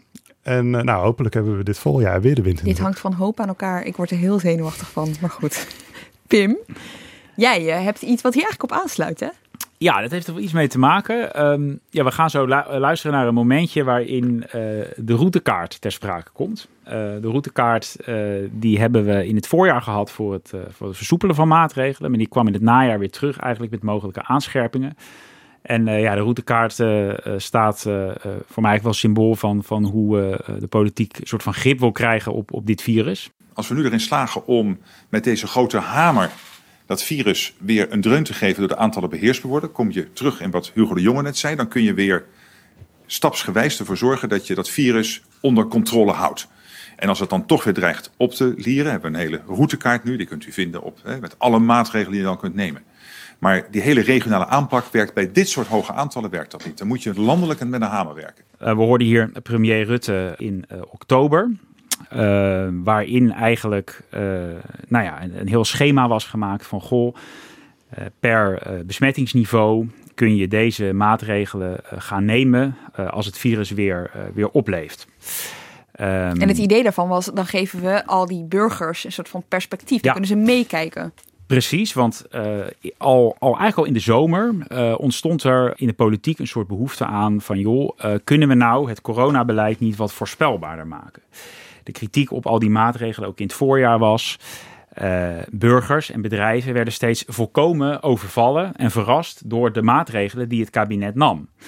Uh, opeens moest de horeca dicht. Uh, opeens kwam deze maat, een andere maatregel weer uit de lucht vallen. Dus er was vooral een wens in de Kamer van kunnen we dat nou niet voorspelbaarder maken dat paste ook eigenlijk wel bij de regionale aanpak die het kabinet al vanaf de zomer wilde gaan voeren. Dus het idee was, als het virus weer ergens in een regio ople uh, opleeft, dan gaan we gerichte maatregelen nemen. En even is Toen... dat ook gebeurd, hè? Ik, ik, kan me nog een zomer herinneren uh, waarin jij, uh, Wouter, naar Goes ging. Was het Goes? Dat was Goes. Daar waren heel weinig maatregelen. Het was wel het idee, daar heeft wel de veiligheidsregio heeft daar de leiding genomen. Ja. Um, maar dat uh, vooral met uh, een campagne en alles een beetje managen, maar niet strenge maatregelen okay. afkondigen. Het probleem was, we hadden die routekaart uh, voor mogelijke aanscherpingen al in de zomer nodig gehad. Maar wat was uh, er nou gebeurd? Of uh, het heeft eigenlijk heel lang geduurd voordat hij er kwam. Hij was er dus, dat hoorden we net, pas op 13 oktober. De hele zomer ja, waren het kabinet en de burgemeesters eigenlijk heel afwachtend en een beetje met elkaar in gesprek. Maar was het eigenlijk helemaal niet duidelijk welke maatregelen moet je nou op welk moment nemen om het virus weer de kop in te drukken uiteindelijk kwam pas uh, in september uh, die discussie echt terug. Toen vroeg Rob Jetten met een motie om uh, die nieuwe routekaart voor aanscherpingen. Ja, het ministerie van VWS moest daar nog weer mee bezig. Het duurde nog weer weken en weken voordat die af was. En er werd dus op 13 oktober gepresenteerd. Maar wat was op 13 oktober de andere aankondiging in de persconferentie? Nederland gaat weer in een gedeeltelijke lockdown. Het besmettingsniveau was sky high alweer. Terwijl die routekaart, die wil je gaan inzetten zeg maar, als het besmettingsniveau laag is en er weer nieuwe maatregelen nodig zijn als de besmettingen oplopen. Dus die routekaart kwam uiteindelijk op een heel raar, verkeerd moment eigenlijk. Maar er, ons, er was eigenlijk dus de hele tijd verwarring over, over die routekaart. Want op een gegeven moment uh, werd in de Kamer de vraag gesteld... ja, kunnen we de routekaart dan niet gebruiken voor het weer versoepelen en afbouwen van de maatregelen? Maar uh, dat bleek uh, eigenlijk niet te kunnen. Dat bleek alleen weer te kunnen als we dan al terug waren op het laagste besmettingsniveau. Waakzaam werd dat genoemd. Maar ja, daar uh, zijn we nu nog lang niet terug natuurlijk. En dus, wat, waar uh, staat dit symbool voor? Nou, voor mij staat het verder vooral symbool voor... Uh, kijk, zo'n routekaart, dat is ook een heel typisch een Haags ding. In, in Den Haag wordt heel vaak gewerkt met allerlei schema's en, en rapporten en... en ja, heel, we willen het allemaal vangen in bepaalde documenten of eh, stukken. En, eh, eh, maar dit virus, dat, dat is volgens mij heeft het hele jaar dat bewezen. Ja, laat zich nou helemaal niet echt controleren en vangen in allerlei schema's. En ook dat dashboard hè, is er uiteindelijk een soort voorbeeld van. Van allerlei cijfers, signaalwaarden. Oké, als we daar overheen gaan, gaan we maatregelen nemen. Dan bleek soms weer dat we niet snel genoeg terug waren op dat niveau. Of het kabinet hield zich helemaal niet aan de eigen signaalwaarden in het dashboard. Dus het ja, die, die schema's, die, de, de wens om er grip op te krijgen, ja, dat, dat, dat lukte gewoon niet goed. En nu? Is, is, is er nog hoop voor de routekaart of is dat echt een afgelopen zaak? Nou, de routekaart ligt weer op de tekentafel. Want de conclusie, uh, ook van Rutte, was uiteindelijk dat uh, ook de maatregelen die erin stonden op sommige momenten niet zwaar genoeg waren. Dus Rutte zei ja, we gaan nu weer kijken naar uh, het pakket maatregelen bij het tweede risiconiveau.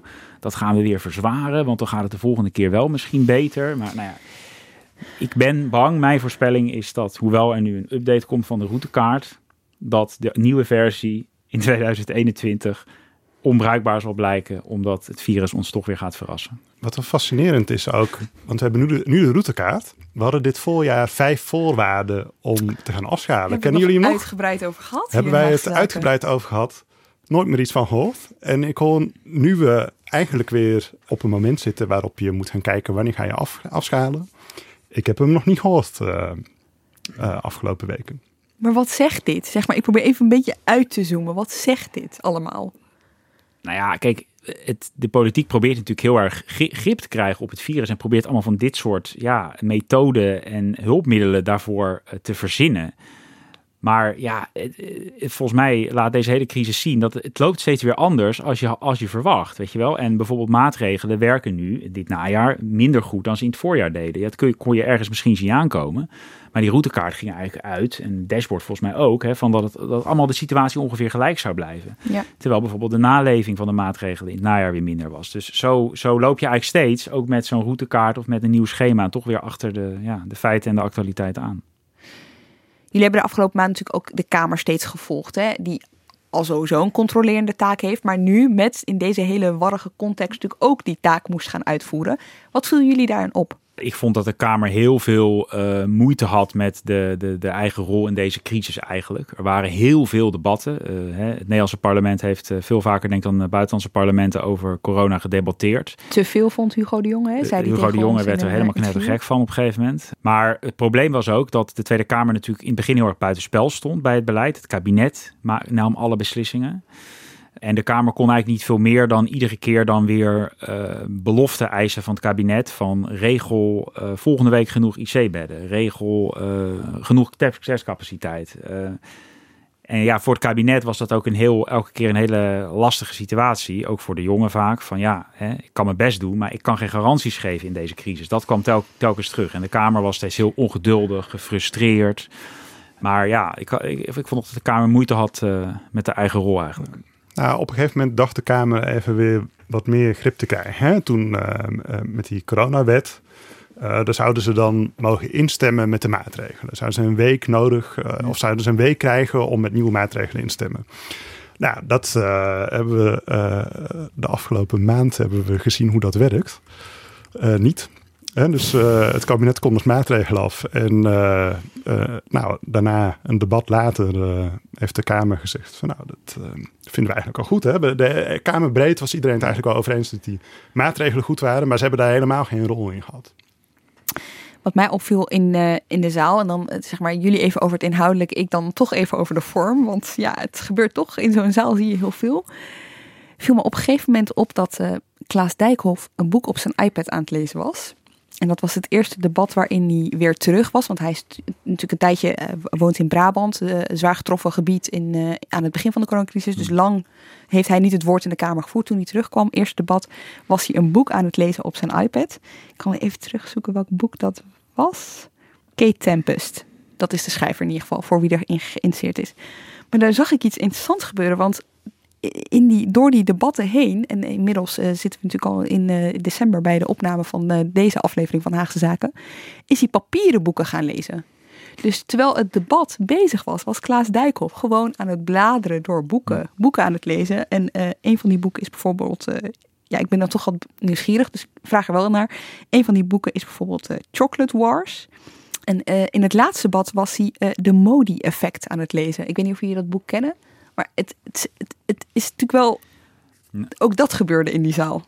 Ja, klopt. Maar ik denk ook dat, dat Klaas Dijkhoff boeken ging lezen, kwam misschien ook omdat toch, bijzonder genoeg, die debatten vaak best wel saai waren.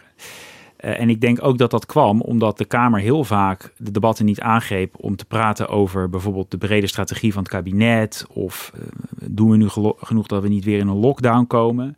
Maar dat heel veel van die partijen ook juist over kleine onderwerpen begonnen. En hun eigen, uh, eindeloos hun eigen stokpaardjes gingen bereiden. Dus de, de Partij voor de Dieren die iedere keer begon over de zoonozen. En 50PLUS die natuurlijk weer begon over dat als de ouderen elke keer schandalig werden behandeld. En Wieberen van Haga die zijn riedeltje over uh, dat het virus een griepje is af ging steken. Ja, het was echt een eindeloze vermoeiende herhaling van zetten op een gegeven moment.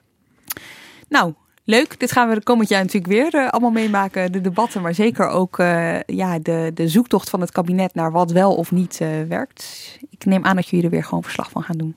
Zeker. Ja. Dank jullie wel. Graag gedaan. Pim van den Dol en Wouter van Loon. Aan de telefoon Marike Stellinga. Marike, dit was toch wel het jaar van de ongekende miljarden steunpakketten. Over welke van de 300 wil je het er hebben? Nou, niet over een specifiek steunpakket. Het was inderdaad uitzonderlijk. Ik denk niet dat de overheid eerder zo'n enorm reddingspakket heeft opgetuigd voor werknemers, ZZP'ers, bedrijven. Dat heb ik al een paar keer volgens mij bij jullie verteld. Ja. Eigenlijk inzoomen op een van de bijzondere resultaten eigenlijk van het jaar. En dat is het succes van de polder.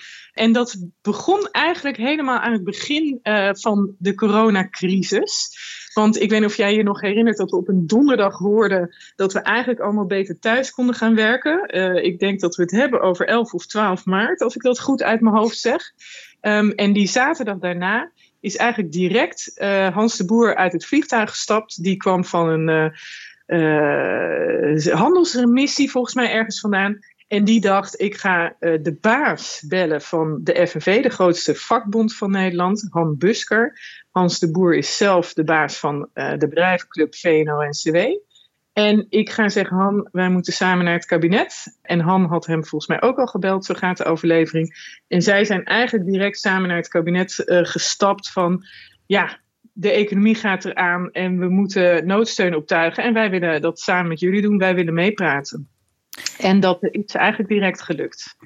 En vanaf dat moment uh, hebben ze elkaar eigenlijk ook niet meer echt losgelaten. Ze hebben echt samen opgetrokken deze crisis. Ja, en dat is eigenlijk het bijzonderst. Er zijn natuurlijk allerlei momenten waarop de belangen van bedrijven en werknemers of vakbonden niet synchroon lopen. Dat zag je in deze crisis ook. Ik weet niet of je nog herinnert de discussie over het schrappen van de ontslagboete bij de loonsubsidie.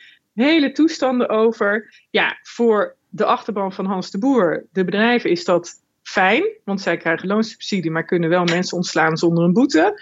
Voor de achterban van Han Busker, de vakbond, de werknemers, is dat natuurlijk een drama, want die willen dat niet. Want die denken, ja, straks worden al mijn mensen ontslagen. Nou ja, op dat soort momenten hebben zij elkaar echt vastgehouden. En heeft Hans de Boer dus gewacht tot Han ermee kon leven. En de andere bonden, want ze zaten allemaal elke week aan tafel, alle bedrijven clubs die er zijn en alle vakbonden in Nederland. Maar deze twee, hè, dat die grootste bond en die grootste werkgeversorganisatie samen tegen elkaar zeiden: wij gaan elkaar niet loslaten. Dat heeft ze heel veel macht opgeleverd in de onderhandelingen. En, en wat zegt dit voor jou, dat dit kon? Ja, um, het, het, ja, wat zegt dit? Dat is een goede vraag. Nou ja, wat ik heb jarenlang uh, geschreven over de polder. En jarenlang was het verhaal, ja, die polder komt niks meer uit. En is de polder niet dood? En dan kwam weer een moeizaam akkoord. En dan ging het daarna weer slechter. En eigenlijk hebben ze een jaar in 2019 een pensioenakkoord gesloten. Dat was echt een enorme doorbraak. Samen met uh, Wouter Koolmees, de minister van Sociale Zaken. En daar is iets ontstaan, vertellen ze nu allemaal. Waardoor ze met elkaar ja, een goede basis hebben gelegd. Waardoor er vertrouwen is ontstaan. Ze hebben toen al iets heel moeilijks gedaan. En dat gaf hun het goede, de goede inbedding om eigenlijk meteen bij de noodsteun dit jaar te zeggen: wij gaan weer samen zitten en praten met het kabinet. Zonder dat dat ja, tot allerlei frictie leidde of tot het uiteenvallen van deze twee uh, partijen. En om het te illustreren, uh, hebben in het voorjaar hebben uh, Christian Pelgrim en ik Hans de Boer en Han Busker samen geïnterviewd. Dat is op zich, doen ze dat niet zo vaak. En dit was voor 50 jaar een bepaalde stichting uit de polder, de Stichting van de Arbeid. Ja, en dan zeggen zij in dat interview, uh, zegt Busker, ik heb nog nooit meegemaakt dat Hans niet aan een afspraak hield. En de boer zegt, als er oorlog zou uitbreken, durf ik hem te bellen. Marieke, dit was echt, toen ik dit las, dit zijn gekke tijden hè, maar dit interview uh, sloeg alles, want dit was gewoon een liefdesverklaring bijna. Ja, ja, dat vond ik ook. En ja, de half mei was dit in dit voorjaar. Ja, en die twee, je zag gewoon daar, hè, en zij zeggen ook in het interview, onze op de het niveau van sector cao's. Hè, dus je hebt zeg maar de, de uh, supermarktsector, de uh, horecasector. Op het niveau daar hebben zij achterbannen die heel vaak enorme ruzie met elkaar hebben, waar heel veel chagrijn zit. Dat vertellen ze ook in het interview. Maar zij kunnen het goed met elkaar vinden en zij weten van ja, wij, we, ja, we hebben elkaars back, hè? dus uh, we, we, we, gaan samen in dat. en nou ja, toen hebben ze dus elke week zit samen met Erik Wiebes, minister van Economische Zaken, en Koolmees onderhandeld. En dus een hele grote stem gehad in die steunpakketten. En daar is ook nog wel wat kritiek op geweest van ja, zaten ZZP'ers nou eigenlijk wel genoeg aan tafel hè, bij al deze gesprekken? En zijn die nou wel voldoende gesteund?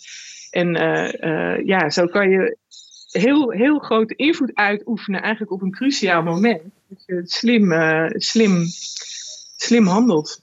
Toch nog even over die steunpakketten, Marieke. Maar eerst even, volgens mij hoor ik iets bij jou op de achtergrond. Hè? Wat gebeurt er allemaal? Ja, sorry, er is iemand bezig. Ik loop even naar een andere kamer. Eén moment. Ja.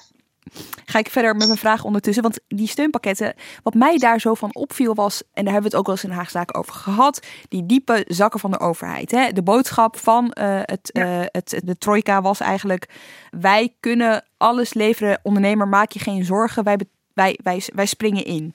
Hoe, hoe, hoe heeft Ja. zich dat ontwikkeld? Hoe, wat, wat zag je daar gebeuren? Ja, dat was, ze zeiden toen bij de, aankondiging van het eerste steunpakket, we laten u niet in de steek. Precies, Hè? Dat was echt de boodschap. En eh, dit gebeurde op 17 maart, dat ze met z'n drieën daar stonden, Hoekstra en Wiebes Koolmees. Ik denk dat mensen zich dat nog wel herinneren. We laten u niet in de steek, we gaan loonsubsidie optuigen, we komen met allemaal dingen. We gaan niet allemaal morgen naar de gemeente rennen en naar de website, want zover zijn we nog niet, maar we doen het zo snel mogelijk. Nou, die dinsdag 17 maart gebeurde dat. We zaten ongeveer in de overgang van hè, blijf thuis, lockdown enzovoort. Scholen dicht.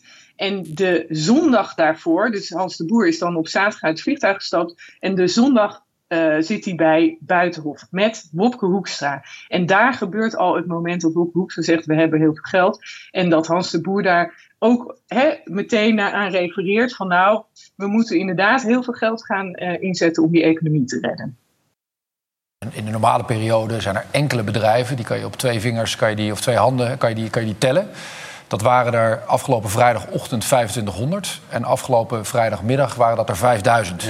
Dus daar zullen vele duizenden de komende week bij komen. Daar gaan we onverkort mee door. Maar hoe je dat vervolgens praktisch aanpakt, ja. dat kan natuurlijk niet op diezelfde manier, gegeven de enorme aantallen. Dus wat Koolmees nu aan het doen is, eh, samen met de sociale partners, is hoe geef je die regeling nou zo vorm dat die bedrijven die daar gebruik van moeten kunnen maken, dat ook niet pas over zes weken hebben, maar op veel kortere termijn. Nou, dat is de, de- gewoon de hele praktische vraag die we nu aan het oplossen zijn. Ehm, eh, maar met de absolute bereidheid om te zorgen dat we dat zo snel mogelijk ter beschikking stellen.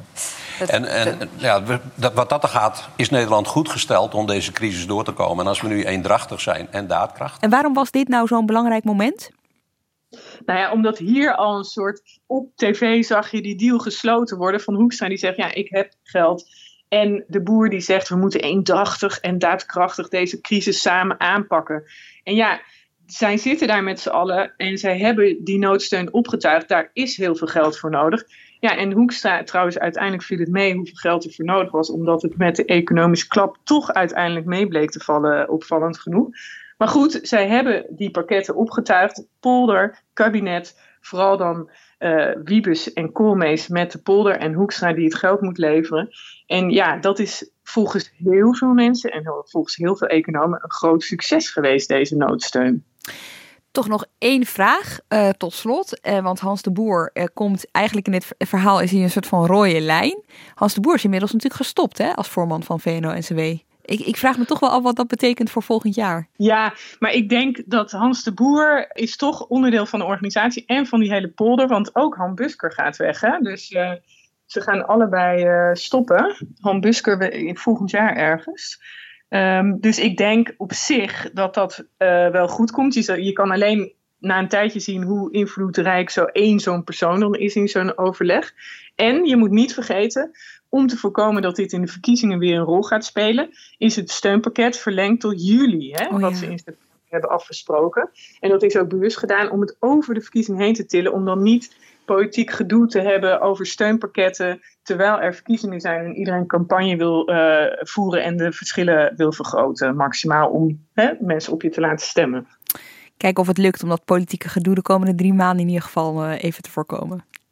Ja, dat hangt er ook vanaf, want de, net is de noodsteun weer verhoogd, hè, omdat we nu weer in lockdown zijn gegaan. Die houdt op op 1 april, dit, deze nieuwe verruimde noodsteun. Dus ja, als het Oeh. aanhoudt in de economie, de ellende en het vaccin valt tegen wanneer het komt, dan kan je vlak voor de verkiezingen toch weer gedoe krijgen of het pakket dat is afgesproken vanaf 1 april wel voldoende is. En dan die formatietafel, hè? Nou, daar, daar gaan we het komend jaar waarschijnlijk uh, nog uh, veel en vaak met je over hebben. Dankjewel, Marieke. Jij ook bedankt. Inmiddels bij me aangeschoven uh, Claudia Kammer, plaatsvervangend chef van de politieke redactie. Het is uh, leuk om je weer eens in de studio te hebben hier bij uh, Haagse Zaken. Claudia, welk moment van 2020 heb jij meegenomen? Ik heb een moment meegenomen uit een debat wat een beetje op zichzelf stond, los van corona. Over een onderwerp waar al heel lang discussie over is en ook weer heel 2020 keerde terug. Het gaat over de grondrechten van de samenleving, zeg maar, die je terug kunt vinden in de grondwet. Uh, bijvoorbeeld de vrijheid van meningsuiting, maar ook de vrijheid van godsdienst en uh, de vrijheid van onderwijs. Artikel 23. Artikel 23. Ik heb dan niet gekozen voor een, een, stukje uit een debat over artikel 23, maar wel een debat dat ging over de vrijheid van uh, meningsuiting. De aanleiding voor dit debat, het was aangevraagd door PVV-leider Geert Wilders, was de moord op de Franse geschiedenisleraar Samuel Paty. Die was op 16 oktober op straat vermoord voor zijn school. Hij had in een les aan vierde klassers, maatschappelijke vorming, uh, daar wilde hij iets vertellen over censuur. Had hij cartoons laten zien uit het tijdschrift uh, Charlie Hebdo van uh, de profeet, profeet Mohammed. Ja, dat werd dus door um, leerlingen en anderen uh, als blasfemisch gezien. En dat ging een eigen leven leiden, dat ging viral. En uiteindelijk kwam dat bij een moslim-extremist terecht. En die heeft hem op straat onthoofd een heel heftig moment. Het maakt hier in Nederland natuurlijk ook wat los. Nou ja, dan komt er zo'n debat. Wat gebeurt er dan? Dat debat uh, dat was dus door Wilders aangevraagd. Niet alleen vanwege die moord, maar ook omdat er in Nederland twee leraren waren ondergedoken. In Den Bosch en in Rotterdam. Die waren ook bedreigd omdat zij cartoons in hun lokaal hadden hangen of hadden laten zien. Wilders wilde er eigenlijk in uh, praten met de Kamer over de, uh, de vrijheid van meningsuiting.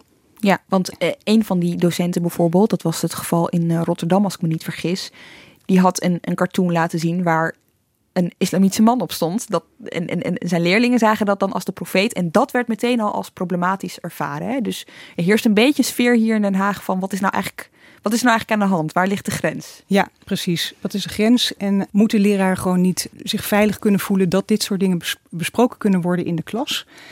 Wat Wilders uh, deed, is in, die, uh, in dat debat, daar kaartte hij ook aan dat er in Nederland een uh, petitie online was gezet door een imam. En die, dat was heel kort na die moord er waren ook nog twee andere terroristische aanslagen gepleegd in Nice en in Wenen. En heel kort daarna kwam die petitie online en daarin werd gevraagd om um, een verbod op belediging van de profeet Mohammed. En ja, Wilders die, die kaartte dat aan in dat debat, die ging daar flink tegen tekeer. Want die petitie was ook nog eens door 120.000 mensen ondertekend. Farid Azarkan, de leider van Denk, die verdedigde dat eigenlijk in het debat. Hè. Die zei, nou, nu zijn er moslims en anderen die uh, netjes gebruik maken van hun democratische grondrechten. Hè, in plaats van dat ze met stenen gaan gooien. En dan is het weer niet goed. Dan, uh, dan worden ze weer, omdat de timing verkeerd is, daarop uh, afgerekend. Maar waarom kunnen we niet gewoon praten over de inhoud van die petitie? En, en in de Kamer was dat echt, dat, dat werkte als een soort, als een rode lap op, op, Absoluut. op, op, op stieren, zeg maar. Ja, daar, dat was echt, nou, de Kamer ontplofte. De een na de ander. Ik geloof dat het begon bij, uh, bij Peter Quint van de SP. Uh, vervolgens kwam uh, uh, Jeziel Guus van de VVD naar voren. En ja. uiteindelijk stond daar uh, Madeleine van Torenburg, CDA-Kamerlid. Dit was het slechtste moment. Het allerslechtste moment om deze petitie te starten. Om dan ook nog eens een keer te doen als een vermoorde onschuld. Alsof het over moslims gaat. Alsof zij minder rechten hebben om een petitie in te dienen. Wel nee, daar ging het helemaal niet om. Als er een hele groep moslims hier komt over bestrijdenis een petitie aanbieden, dan zal ik hem met warmte ontvangen. Maar dit ging erom dat er een leraar was onthoofd. En dan de discussie voeren over godslastering is ziek. Ze, ze liep eh, echt getergd rond, ijsberend. Dat zei ze ook op een gegeven moment. U ziet mij hier ijsberen, maar ik vreet me echt helemaal op van binnen. Voor, voordat zij dit zei, was Adje Kuiken al met een rood hoofd weggestampt. Dus eh, fysiek kon je ook zien dat ze echt helemaal ehm, ja, getergd waren allemaal. Ja, en ehm, meteen daarna, eh, na eh, ehm, eh, Van Torenburg, kwam eh Gert-Jan Segers bij de interruptiemicrofoon staan. Maar ik wil alleen, ik kan alleen schouder aan schouder staan met u. Als u ook nu pal staat voor vrijheid. En als u nu zegt, als u nu zegt, er is iemand vermoord, er is iemand onthoofd. En we gaan een petitie starten. En ik vind het prima omdat die petitie komt. En ik vind het prima om het nu te hebben over het kwetsen, het beledigen, een blasfemiewet. Van een totaal andere orde dan de dode wet die wij hier hadden. Die nooit meer in stelling werd gebracht. Als u op dit moment zegt, we gaan praten over een blasfemiewet en ik vind het prima. Weet u wat hij dan zegt? Die moordenaar had een punt. Voorzitter, ik vind het echt stuitend. Ik vind het echt stuitend wat de heer eh, Segers hier doet. Hij legt mij woorden in de mond. Ik heb de petitie niet gestart. Heb ik niet gedaan. Ik heb hem ook niet getekend. Heb ik ook niet gedaan. Ik constateer iets en ik, het, het maakt mij op dat, u, dat u, u hoort iets wat er niet is. Dit is hoe het vaak gaat. Namelijk, meneer Azenkamp, u neemt afscheid, maar u zegt maar. Ik heb geen maar gezegd. Ik heb geen maar gezegd. Verdikke me. Ik heb met docenten zij aan zij gestaan. Ik ben schoolbestuurder geweest. Wat gebeurde hier? Waarom wilde je dit laten horen? Ja, waarom ik het interessant vind, zo'n debat, hè, wat dus losstaat van bijvoorbeeld corona, is dat het echt gaat over de kernwaarden van onze samenleving. En je ziet dan ook heel duidelijk waar partijen nou echt voor staan. Wat zijn hun waarden en normen? Ook de clash tussen uh, Azarkan en uh, Segers, dus de, de leider van een christelijke partij. Azarkan die wilde dus uiteindelijk niet echt zeggen wat hij vond inhoudelijk van die petitie. Hè. Was hij het ermee eens dat er een verbod op uh, godslastering moest komen? Maar hij zei wel, de christelijke partijen die zijn er niet blij mee dat het verbod op godslastering wat we hadden in 2014 is afgeschaft. Ja, en dat schoot Segers ook enorm in, de, in het verkeerde keelgat. Want zo werd hij eigenlijk betrok, betrokken hierbij. Terwijl het debat niet, moest niet gaan over een uh, verbod op godslastering. Uh, nee, dat moest gaan over de vrijheid van meningsuiting na de moord op die leraar. Dus uh, hij wilde daar niet in betrokken worden. dat was dus een hele grote spagaat waar Segers in terecht kwam. Dat de vrijheid van meningsuiting verdedigd moest worden. Want als je daaraan gaat tornen, dan ga je ook je eigen vrijheden, wordt dan misschien, uh, moet je iets op in, uh, ja. ingeven. Aan de andere kant snapt hij ook wel dat, dat, dat, dat mensen die een religie aanhangen, zich beledigd kunnen voelen. Juist hij. Hè? Juist hij. Ook ja. zijn achterban heeft er af en toe last van.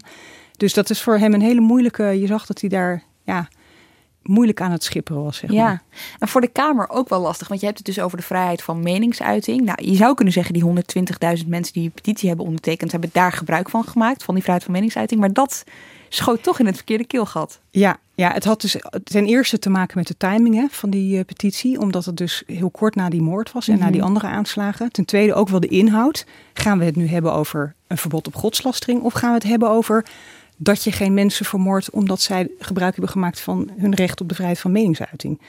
En daar speelde ook mee dat Azarkan uh, ja wel er heel erg voor was om die petitie bespreekbaar te maken.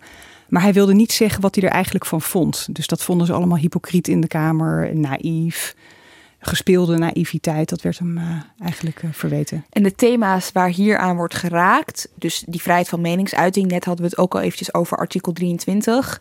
Eigenlijk zijn het onderwerpen die ondanks corona best wel vaak terug zijn gekomen weer dit jaar. Ja, en juist ook in die week. Hè. Toen was uh, eerder die week speelde het ook al in een, dat was geloof ik een algemeen overleg of een wetgevingsoverleg over burgerschapsonderwijs. En daar kwam ineens naar voren dat er um, orthodox uh, christelijke scholen waren die ouders een verklaring lieten ondertekenen. Een identiteitsverklaring. Ja, de identiteitsverklaring van de school eigenlijk. En uh, in zo'n identiteitsverklaring van de school kan dan staan dat uh, het huwelijk, het Bijbels verbond tussen man en vrouw, dat de school dat zeg maar onderschreef. En impliciet dus geen homoseksualiteit. Dus je kon het ook zien als een een verklaring tegen homoseksualiteit. Daar was veel reuring over. Wat hier zo interessant aan is, is je zag bij artikel 23 dat Arie Slop, en daar hebben we ook een aflevering over gemaakt, hè, terug te luisteren, zeker terugluisteren zou ik eigenlijk willen zeggen, op 13 november hebben we gepubliceerd. En dat, daarin zag je gewoon dat zeg maar, het, het christelijk zijn van Arie Slop onderdeel werd van het debat. Net zoals het islamitisch zijn van Farid Azarkan onderdeel werd van het debat, weet je wel, waar, waar jij net uh, stukjes uit hebt, hebt laten horen. Dus dat geeft toch een extra. Het doet dat met de dynamiek rond zo'n debat. Ja, zeker. En wat ik ook wel interessant vond, is dat Azarkan ook heel duidelijk tegen Zegers zei: Ik sta niet voor een, um, een, een islamitische partij ik sta hier voor Denk. Denk is geen islamitische partij, maar u staat wel voor een christelijke partij. Je ziet nu met de coronamaatregelen, om het maar extra actueel te maken, dat die uitzondering op gebedshuizen, weet je wel, wat natuurlijk gewoon onderdeel is van de grondwet. Ja, zo is het geregeld in Nederland, kun je voor of tegen zijn. Maar dat roept toch ook wel weer weerzin op bij een deel van de maatschappij, maar zeker ook een deel van de Kamer. Denk jij, over artikel 23 wordt er nu al zo lang gesproken, denk je dat komend jaar daar een keer eens wat concreter over wordt gesproken? Of er zijn natuurlijk partijen die er echt wat aan willen veranderen. Ja, dat is waar. Er ligt een, uh, een wetsvoorstel van uh, PvdA en uh, eh, VVD. Die willen dus um, ja, dat er toch minder vrijheid is voor scholen om, um, ja, op, ja, om, om zeg maar dit soort dingen op te leggen aan ouders. In ja. het verkiezingsjaar 2021 gaan we hier vast nog wel meer over horen. Dankjewel, Claudia Kammer. Ik zit inmiddels weer alleen in de studio, maar uh, ik ben niet helemaal alleen, want op afstand zit uh, onze chef van de politieke redactie, Guus Valk. Hoi. Hi, hey Guus. Hey, uh, wij gaan het samen hebben over het CDA, hè? want um, het understatement, understatement zou zijn om te zeggen dat daar nogal wat is gebeurd dit jaar. Een roerig jaar, inderdaad, zouden ze zeggen, ja. Ze zijn daar aan hun tweede um, lijsttrekker in, nou, hoeveel maanden tijd? sinds augustus? Dit, uh, volgens mij was het juli dat uh, Hugo de Jonge is, uh, is gekozen. En uiteindelijk is aangewezen door het bestuur.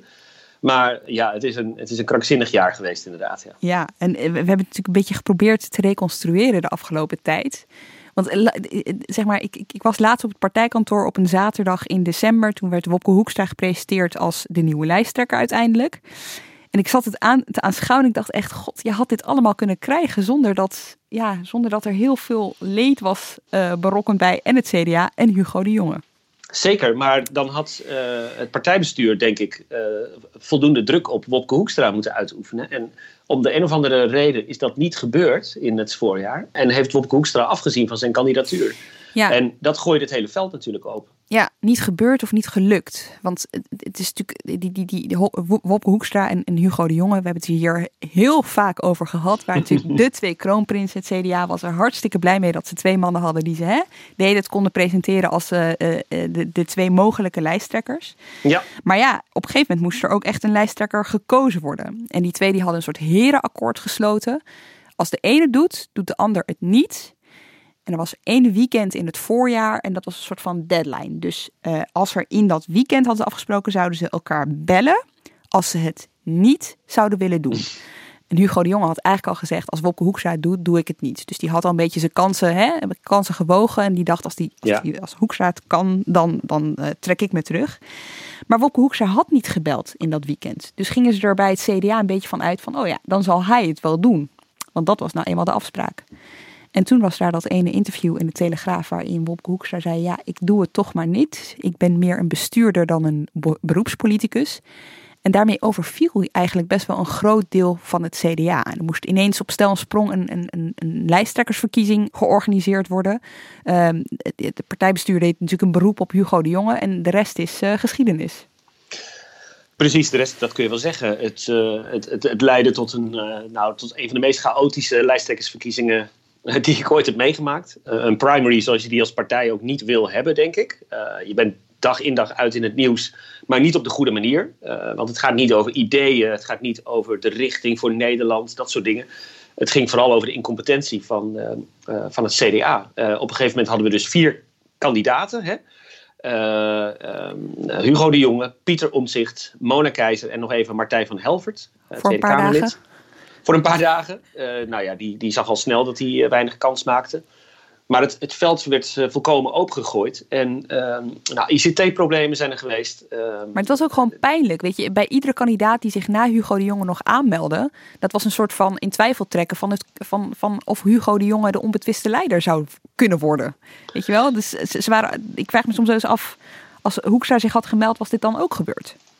Nee, dat was het denk ik niet gebeurd. En uh, wat je zegt is helemaal waar. En dat heeft uh, Hugo de Jonge natuurlijk de uiteindelijke winnaar met hakken over de sloot van Pieter Omtzigt natuurlijk ehm, ja, wel het de, de, de, mantel opgeleverd, maar niet het mandaat. En toen werd heel erg gezegd van oké, hij gaat nu de komende maanden het vertrouwen terugwinnen.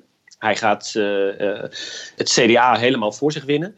Maar dat is ook niet echt gebeurd. Nee. Um, dus uh, je kan je ook afvragen, heeft hij eigenlijk wel een eerlijke kans gekregen? Um, dat, dat vraag ik me ernstig af. Uh, er werd in het CDA ook op veel plekken natuurlijk met enige sceptisch naar de, de jongen gekeken. Niet voor niks hè, dat hij maar eigenlijk zo'n laag winstpercentage behaalde.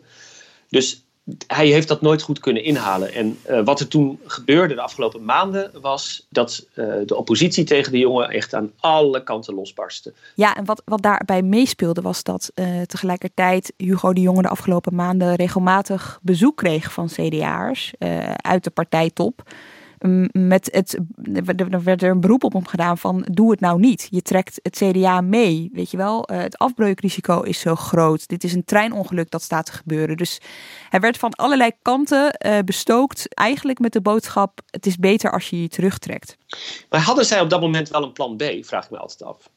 Er werd wel gewerkt aan Wopke Hoekstra aan de andere kant, is wat ik me heb laten vertellen. En die heeft toen nooit nee gezegd. Dus die nee, maar dat was nooit heel dat herhaling van het voorjaar. Dus het was wel een heel groot risico wat ze daarmee liepen. Ja, maar dat zegt wel wat over de positie van de jongen in het CDA. Weet je wel? Dus hm. ze, ze, ze, ze, namen inderdaad dat risico, maar wel met het idee van met de jongen gaan we het niet redden. Dan zelfs maar liever Pieter Omtzigt, hè? dus die nummer twee.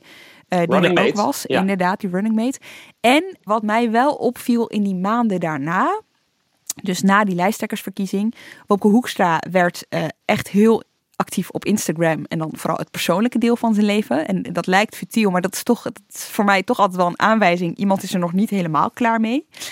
En er waren gewoon een paar momenten waarop Hugo de Jonge en Wopke Hoekstra of uh, in één adem genoemd werden en dan kwam de een er beter uit dan de ander. Of er was uh, ja, gewoon een, een, nieuwsdag. Ik, ik heb één heel duidelijk voorbeeld. Dat was uh, vrijdag 18 september. Uh, Nieuwsuur had toen weer eens nieuws over iets dat het RIVM onder leiding van Hugo de Jonge indirect niet goed had gedaan. Alleen verzorgend personeel kwam nog met ouderen in contact. Om hen zo veilig mogelijk te laten werken stelde het RIVM richtlijnen op. Maar uit de gesprekken die wij de afgelopen tijd met medewerkers in de ouderenzorg voerden, blijkt nu dat ze zich juist door die richtlijnen heel onveilig gevoeld hebben. Ja, en ik weet nog, ik stond toen bij de uitloop van de ministerraad en ja, Hugo de Jonge moest voor de twintigste keer iets uitleggen wat niet goed was gegaan. En een paar microfoons verder, Wopke Hoekstra bij Jair Verwerda, eh, die natuurlijk altijd van die kleine clipjes maakt voorbij uh, uh, Jinek. Nou, laten we eerst even luisteren wat daar gebeurde. Nou, ons huwelijk heeft een uh, lange traditie van uitstellen. Want dat hebben we om hele verschillende redenen een paar keer gedaan. Ja. Veel eerder vanwege familieomstandigheden. Uh, en later uh, waren we van plan om in juli van dit jaar te trouwen. Ja. Nou, dat hebben we afgezegd. Uh, en toen was het plan in augustus en dat hebben we ook uh, uiteindelijk afgezet. U bent van dezelfde partij minister. Ik vind uw morele kompas dan iets scherper aanstaan dan de heer Grapperhaus. Ik bedoel, heel Nederland heeft ermee te maken. Moeten verjaardagen uitstellen, bruiloften, noem maar op. Maar hij laat het gewoon doorgaan. Maar u denkt volgens mij terecht van, nou ja, misschien moet ik dat niet doen. Hè? Nee, maar weet u, dat, u, u, u wil dit tegenover elkaar zetten. Nou, dat lijkt me redelijk ik, logisch, ik, toch? U, u wil dit tegenover elkaar zetten. Ja? Ik, ik heb aangegeven dat dat gewoon voor ons een, uh, gewoon, ook gewoon een privéafweging uh, is geweest uh, in die week. Dit was echt interessant, hè? want dit duurde dus minutenlang, de opname in ieder geval. En je zag gewoon, Wopke Hoeks heeft een trucje op dit soort momenten. Hij wil heel graag voor de camera blijven staan. En dan zegt hij gewoon, terwijl hij zich eigenlijk wentelt in het compliment natuurlijk van Verwerda, uh, dat hij iets niet kan zeggen of dat iets niet klopt. Weet je wel? Ik vond het zo, ik vond het contrast op die dag uh, zo tekenend. En het was niet alleen op die dag. Ik wil je nog één fragment laten horen. Dat was bij de boekpresentatie van uh, Sophie van Leeuwen en Laurens Boven. Hè. Die hebben een boek geschreven over het Binnenhof tijdens coronatijd. En dat boek werd in ontvangst genomen door onder andere Hugo de Jonge en Hans de Boer, toen nog de voorman van VNO-NCW. En voordat we hier naar gaan luisteren, even een klein beetje context. Hugo de Jonge komt die zaal binnen. Ehm, Hans de Boer wil hem groeten met zo'n ellebooggroet, weet je wel. En uh, voor iedereen zegt Hugo de Jonge tegen hem: Nee, nee, dat ga ik niet doen. Ik uh, vind dat niet zo verstandig. Weet je, je kan dan geen anderhalf meter houden. En Hans de Boer, zijn gezicht, ja, vertrekt gewoon. Je ziet gewoon, hij, hij, hij vindt het niet leuk. En dan is er dit moment. Dat wij hebben in de polder, dus zeg maar de vakbeweging, de werkgevers, uh, Wouter Koolmees, Erik Wiebes en schuin daarachter als de grote financiële directeur Wopke Hoekstra hebben we elkaar echt op de zaterdagochtend de 14e in een uurtje gevonden. Echt in een uurtje. En afspraken gemaakt. En op maandag zaten we bij elkaar en we hebben geweldig goed kunnen schaken. Dus dat is een tweede lesje. Dat als je zeg maar een structuur. Dus ik ben nooit zo'n echte polderman geweest, dat weten sommigen van u. Maar het is wel zo. Het legt een infrastructuur van contacten, waardoor je dan heel snel kunt schakelen. Um, en, en dat uh, hebben we, die relatie hebben we met het ministerie van VWS ook moeten leggen. Ik wil even één ding tegen jou uh, zeggen, Hugo. Het was voor ons en ook voor mij persoonlijk lastig lobbyen in die tijd. Want ik krijg natuurlijk vanuit die ledenkring heel veel aandrang van Hans. We moeten meer open. Hoorde je wat hij zei over Wopke Hoekstra? De grote financiële man. En het was echt fantastisch om te zien, nou ja, en, en, en met de kennis van nu, eigenlijk ook wel een, be een, beetje triest. Hugo de Jonge zat daar op die stoel en die dacht echt, wat de fuck gebeurt hier nou? Weet je wel? En dit is wat er voor de schermen gebeurde. Achter de schermen bij het CDA werd er ook nog steeds gerouwd echt om Wopke Hoekstra, die het niet had kunnen doen of willen doen. Ja, en wat je dan kreeg was dat Hoekstra natuurlijk. Hè, er gaan dan dingen door elkaar spelen. Hè? Die, de wens van het CDA dat hij eigenlijk de, de gedroomde kroonprins het had moeten doen. Hoekstra, die dat misschien zelf ook een beetje zo voelt, uh, maar uh, die kennelijk niet zo'n zin had in, een, in, in, in zeg maar alle nadelen die lijsttrekkerschap met zich meebrengen. En binnen het kabinet ook een verschillende kijk op de bestrijding van het coronavirus. Waarbij Hugo de Jonge natuurlijk ook door zijn verantwoordelijkheid natuurlijk echt voor het volksgezondheidsbelang opkomt. En Wopke Hoekstra veel meer ook wijst op uh, nadelige neveneffecten van, uh, van, van lockdowns, mm-hmm. bijvoorbeeld. Voor de economie, voor de mentale gesteldheid van mensen. Um, uh, hem soms ook daarin openlijk of minder openlijk terugfluit. Dus dan ontstaat er een soort interne dynamiek van, van ja, interne oppositie, zou je binnen kunnen zeggen. Ja, het punt van Wopke Hoekstra, of tenminste dat is een beetje wat we hoorden. Want hij had het allemaal kunnen krijgen in eerste instantie natuurlijk. Alleen toen lag de druk er zo hoog op. Weet je wel, het CDA zag hem als de man die uh, uh, Rutte zou kunnen verslaan. Hij peilde hoger in bijvoorbeeld vertrouwen, weet je wel. Um, Sommige en, CDA's denken dat nog steeds. Hè? Die denken dat inderdaad, uh, inderdaad ja. nog steeds. Maar er is nu één verschil. Het CDA staat er zo laag voor dat de verwachtingen zijn veranderd. Dus hè, als hij nu alleen er al voor kan zorgen dat het CDA zo rond de 20, uh, 25 zetels kan houden en niet volledig decimeert, dan heeft hij het al goed gedaan. En dat neemt ja. natuurlijk de druk van de ketel, de ketel van de druk. Nou, één van de twee. Weet je wel? Druk dat, van de ketel. Ja, ja, precies. Dus dat, dat is er heel erg interessant aan. Maar uh, Gies, dan is er nog altijd die nummer twee, Pieter Omtzigt. De running mate, ja precies. Daar de, zitten ze nog mee. De running mate, inderdaad. Ja, die uh, eigenlijk, uh, heb, voor zover ik heb begrepen, eigenlijk uh, niet meteen dacht, laten we op Hoekstra dan maar doen. het liefst had hij er nog wel eventjes een weekendje over nagedacht zelf. Het viel me op dat hij 24 uur lang stil was toen, toen Hugo de Jonge zich, zich terugtrok. Wat denk jij dat er in die 24 uur gebeurd is? Ik denk dat hij uh, meer tijd nodig had om een afgewogen beslissing te kunnen maken over wat hij zelf met die situatie aan had willen. Uh, wat hij had willen doen. Want hij was enorm overvallen. Net zoals het CDA zelf overigens. Met uh, het besluit van Hugo de Jonge om zich terug te trekken. En ik zeg dat ook omdat uh, toen hij zich aanmeldde voor die lijsttrekkersverkiezing in eerste instantie, omzicht, hij best wel het idee had van ik, ik, ik wil dit doen om, met het idee van ik word partijleider en als ik de grootste word, dan beland ik ook zelf in het torentje. Uh, ja. Je had op een gegeven moment dat verhaal in de Telegraaf dat uh, uh, Omtzigt Hoekstra had aangewezen als zijn premierskandidaat. Maar als je goed kijkt naar wat Omtzigt altijd heeft gezegd, dan heeft hij altijd gezegd: Hoekstra mag in mijn team. Sterker nog, intern heeft hij gezegd, ook tegen Hoekstra: Je moet niet denken dat ik het harde werk allemaal ga doen en dat jij dan vervolgens in het torentje terechtkomt. Weet je wel? Hij ja. had het is natuurlijk een analyticus, ook op basis van historische feiten, denk aan uh, Bosco Hem bijvoorbeeld, bedacht van als je een partijleider hebt en je bent de grootste partij, dan hoort die in het torentje, zoals de VVD dat nu bijvoorbeeld ook heeft gedaan. Je kan niet een partijleider in de Kamer hebben en dan vervolgens een premier in het torentje. Dat, dat, dat mm -hmm. gaat gewoon niet. Dus ja, Omtzigt, uh, die natuurlijk ook wel de steun ziet, die overigens echt hoog gewaardeerd wordt hè, uh, door, uh, door kiezers ook. INO kwam midden december met een, een soort peilingje waarin hij zelfs hoger scoorde dan Rutte in de waardering. Ja, die ziet dat natuurlijk ook. Dus, en het is een man met ambitie. Nou, dat is hij zeker. En een man met een enorm mandaat ook. Dus ehm, weet dat hij kiezers heeft die, die op hem zitten te wachten. Heeft ook echt fans, ook in het CDA kreeg bij de vorige verkiezingen uh, 97.638 voorkeurstemmen. Ja. Uh, dat is gigantisch. En uh, hij is als, natuurlijk nou, misschien wel het meest zichtbare Tweede Kamerlid dat er op dit moment rondloopt. Dus puur inhoudelijk geredeneerd begrijp ik het ook wel jouw politieke moment van 2020 heeft ook met hem te maken. Hè? Zeker, ik zat in uh, oktober, november zat ik te kijken naar de ondervragingen bij het parlementaire onderzoek uh, dat uh, onderzoek deed naar alle uitvoeringsorganisaties. Er is natuurlijk eind, aan het einde van het politieke jaar een rapport gepresenteerd door de commissie van Chris van Dam hè, over het toeslagenstelsel mm -hmm. en over het, het structurele onrecht dat, dat ouders daar is aangedaan en, en levens die erin zijn verwoest. Maar er was ook nog een ander onderzoek. En dat onderzoek ging naar meer, naar meer de structurele kant van hoe is Nederland eigenlijk georganiseerd? Uh, hoe werken die uitvoeringsorganisaties? Niet alleen de Belastingdienst, maar ook het UWV of het Centraal Bureau Rijvaardigheidsbewijzen. Hoe wordt er eigenlijk met burgers omgegaan? Uh, worden politieke uh, wensen die over de schutting worden gekieperd naar de ambtenarij, worden die eigenlijk nog, worden die eigenlijk nog getoetst ergens?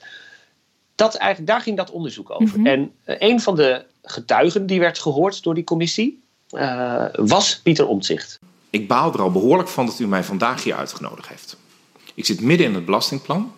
Ik heb de hele zaterdag en ik ben zondagmorgen om 8 uur met werken begonnen om alle stukken die er nog binnengekomen waren, om die te gaan lezen.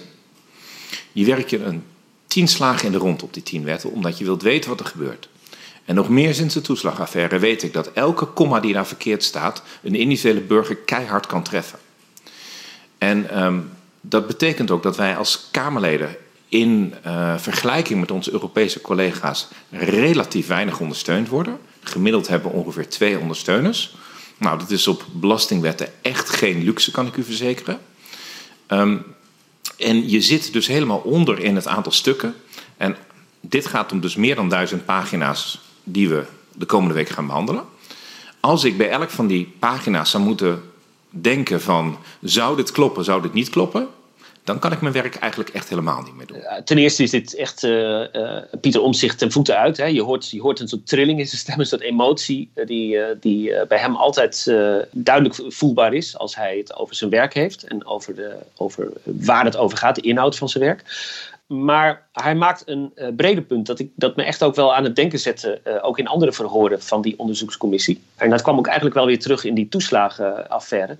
Dat er in Nederland echt iets grondig mis is met de, de, de, de toetsing van uh, wet en regelgeving. Dus wat heel erg als rode draad uit die verhoren naar voren kwam, ook ambtenaren wezen daar vaak op, is dat er een, een, een, een probleem ontstaat, een, politiek probleem eh, nou, de Bulgarenfraude bijvoorbeeld, hè, in, uh, in uh, de, de, de, eerdere jaren van, uh, van de Rutte-kabinet. Ja. En dan moet er heel snel iets gebeuren. En dan is de vraag van de Kamer, minister, doe er wat aan. En de, de minister of staatssecretaris gaat het dan heel snel iets verzinnen, laat ambtenaren dat uitvoeren.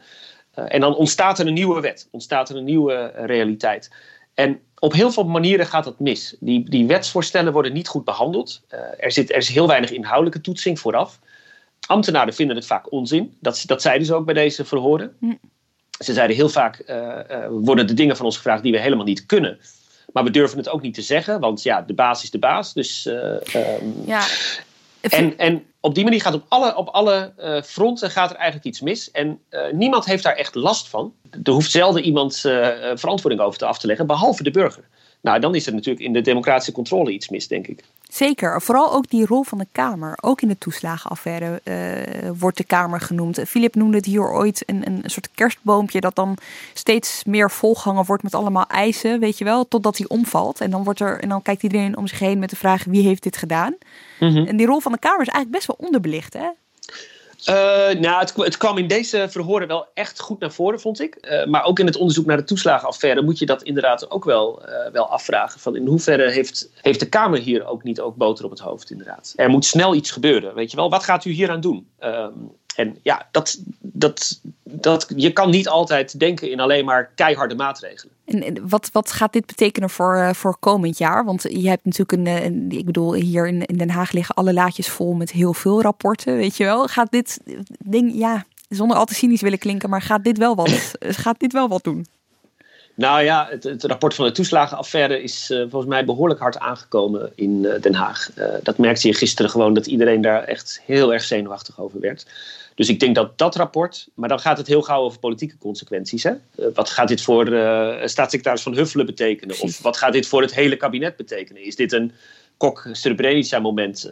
in 2002 kwam het NIOD vlak voor de verkiezingen met een vernietigend rapport over Um, de politieke keuzes die in de Srebrenica-kwestie um, uh, zijn, uh, zijn gemaakt. En toen trad het hele kabinet Kok af, vlak voor de verkiezingen.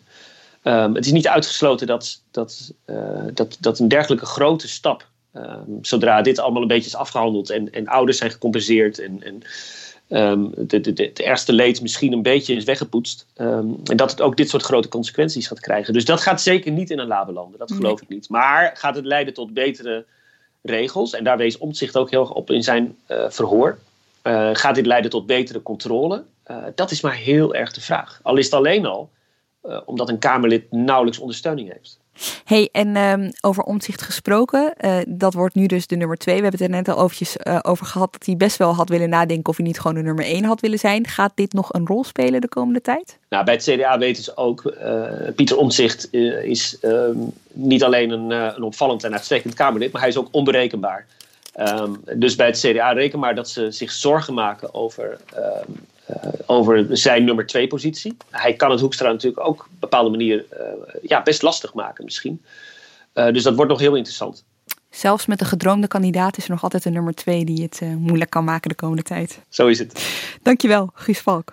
En tot slot, Jos Verlaan. Jos, wat is jouw politieke moment van 2020? Dat was een uitzending van Eva Jinek waarbij zij Henk Krol, uh, toen van de Partij van de Toekomst, interviewde over wat de stroopwafelaffaire is gaan heten. Maar dat was, dat was een affaire van, van, van malversaties en declaratie uh, gesjoemel door uh, Henk Krol, waarbij Eva Jinek echt compleet gehakt van Krol maakte. Zo, e eerst even, het is smakelijke naam, de stroopwafelaffaire, maar iets zeg maar dat er wel een luchtje aan hangt. De stroopwafels, hij, hij heeft op grote schaal over een reeks van jaren uh, onduidelijk gedeclareerd. Uh, met het vermoeden dat hij daarbij ook regels heeft overtreden, dat hij, dat hij declaraties heeft ingediend die niet hadden gemogen, dat hij privékosten op de partij heeft proberen te declareren.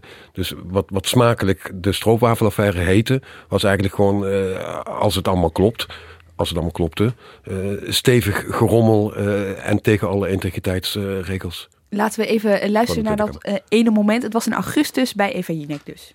Waarom zou je het risico lopen dat je voor gesjoemel met declaraties te boek staat door zoiets te doen? Nooit, je, nooit doen. En Waarom heb, heb ik je dat dus, gedaan dan, heb ik dus ook. Nee, je luistert niet naar me. Nou moet je goed opletten.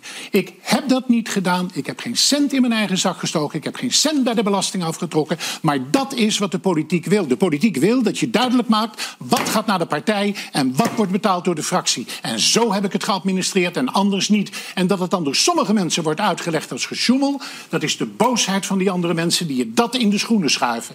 En zo zat het en niet anders. Oké Henk, als dat zo is, en ik voel dat er heel veel emotie bij komt kijken bij jou... waarom overleg je niet al je belastingpapieren, zodat we kunnen zien dat je het nooit hebt... Enkel probleem. Maar moet ik dat je- hier in dit programma doen? Ik vind het ook nou, prima ik, hoor. ik boek er graag een extra uitzending voor, Nou, geen probleem. Dan bij gaan we deze lekker- afgesproken, dan mag jij Maar- al mijn belasting. Oké, maar Is dit, is dit eigenlijk gebeurd?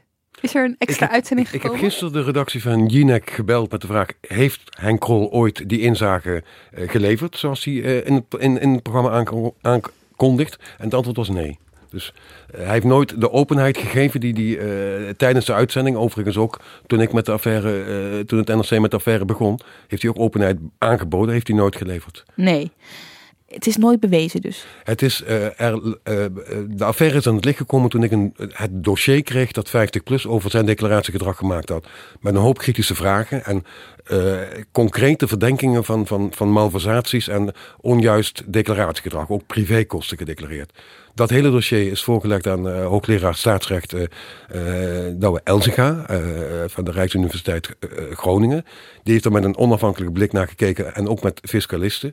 En die kwam tot de conclusie, hier moet Henk Krol opheldering over geven. Anders hangt om hem heen de zweem de, van, van, van Schummelend en Rommeland politicus. Overigens, hangt er dus nog. Ja, overigens in een jaar waarin integriteit Tweede Kamer breed heel erg leeft. Uh, middels uh, een commissie integriteit die is ingesteld om, om de eigen integriteitsnormen goed in kaart te brengen. Een integriteitsadviseur die daar uh, nader toezicht op moet geven. Maar het lijkt niet echt tot heel veel te leiden. Want belangenverstrengeling aan aanverwante dossiers steken met enige regelmaat de kop op. Niet alleen bij 50PLUS, ook bij pakweg de VVD, pakweg Forum voor Democratie.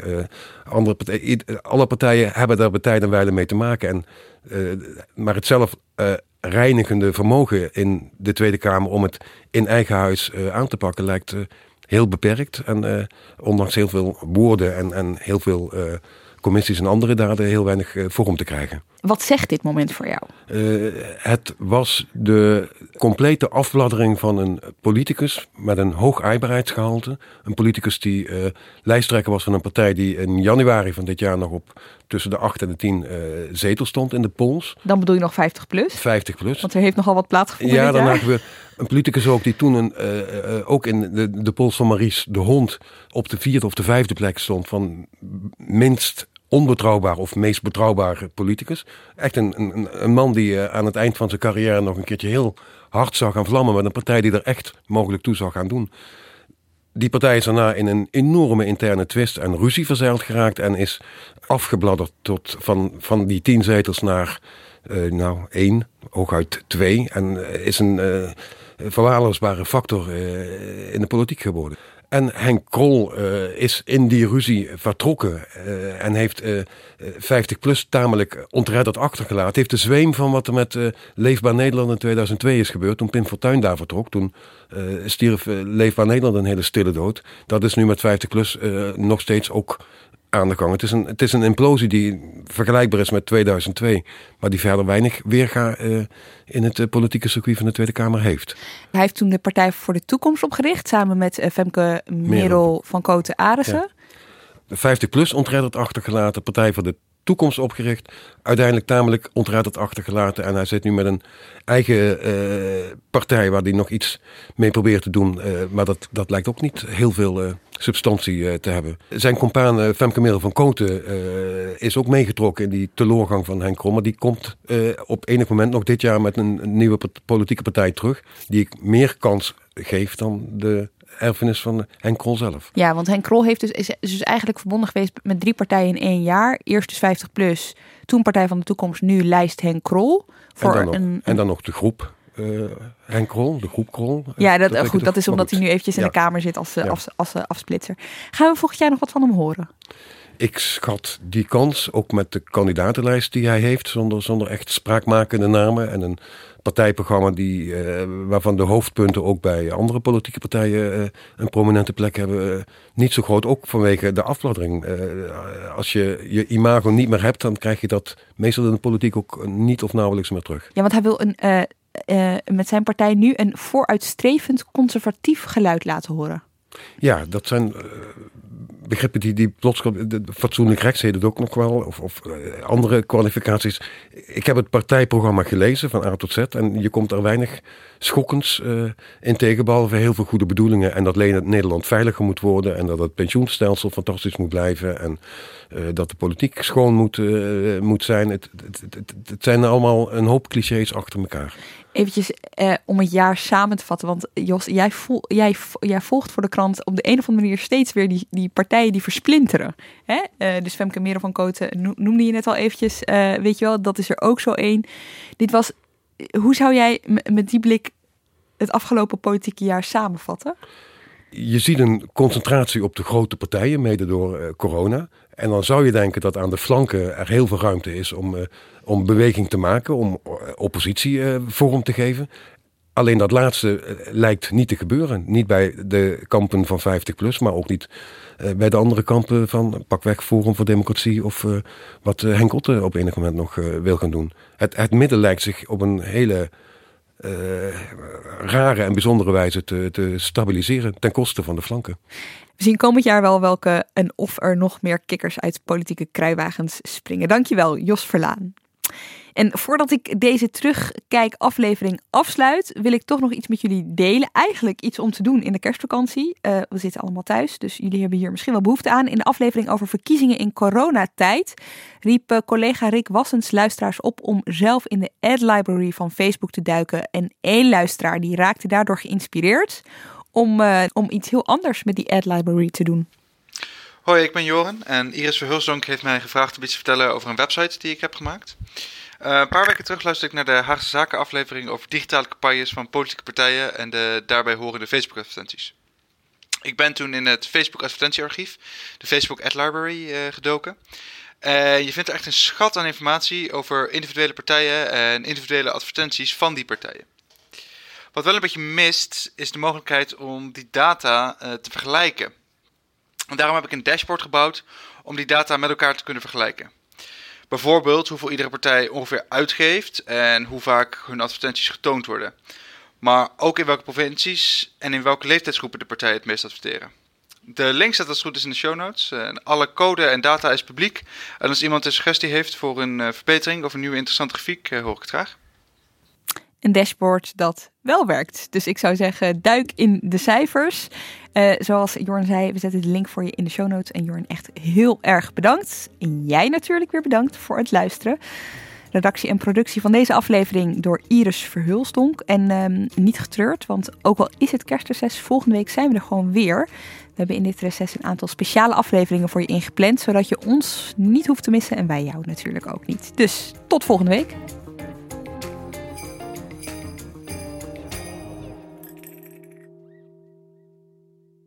Wat weet ik eigenlijk van die nieuwe leverancier? Ik heb die spullen wel echt nodig. Gaat hij straks wel leveren? Ik weet niet eens hoe lang die bestaat. Weten met wie je wel of niet veilig zaken kunt doen? Check kvk.nl voor belangrijke ondernemerskennis. Zoals info over een nieuwe handelspartner. KVK, hou vast voor ondernemers.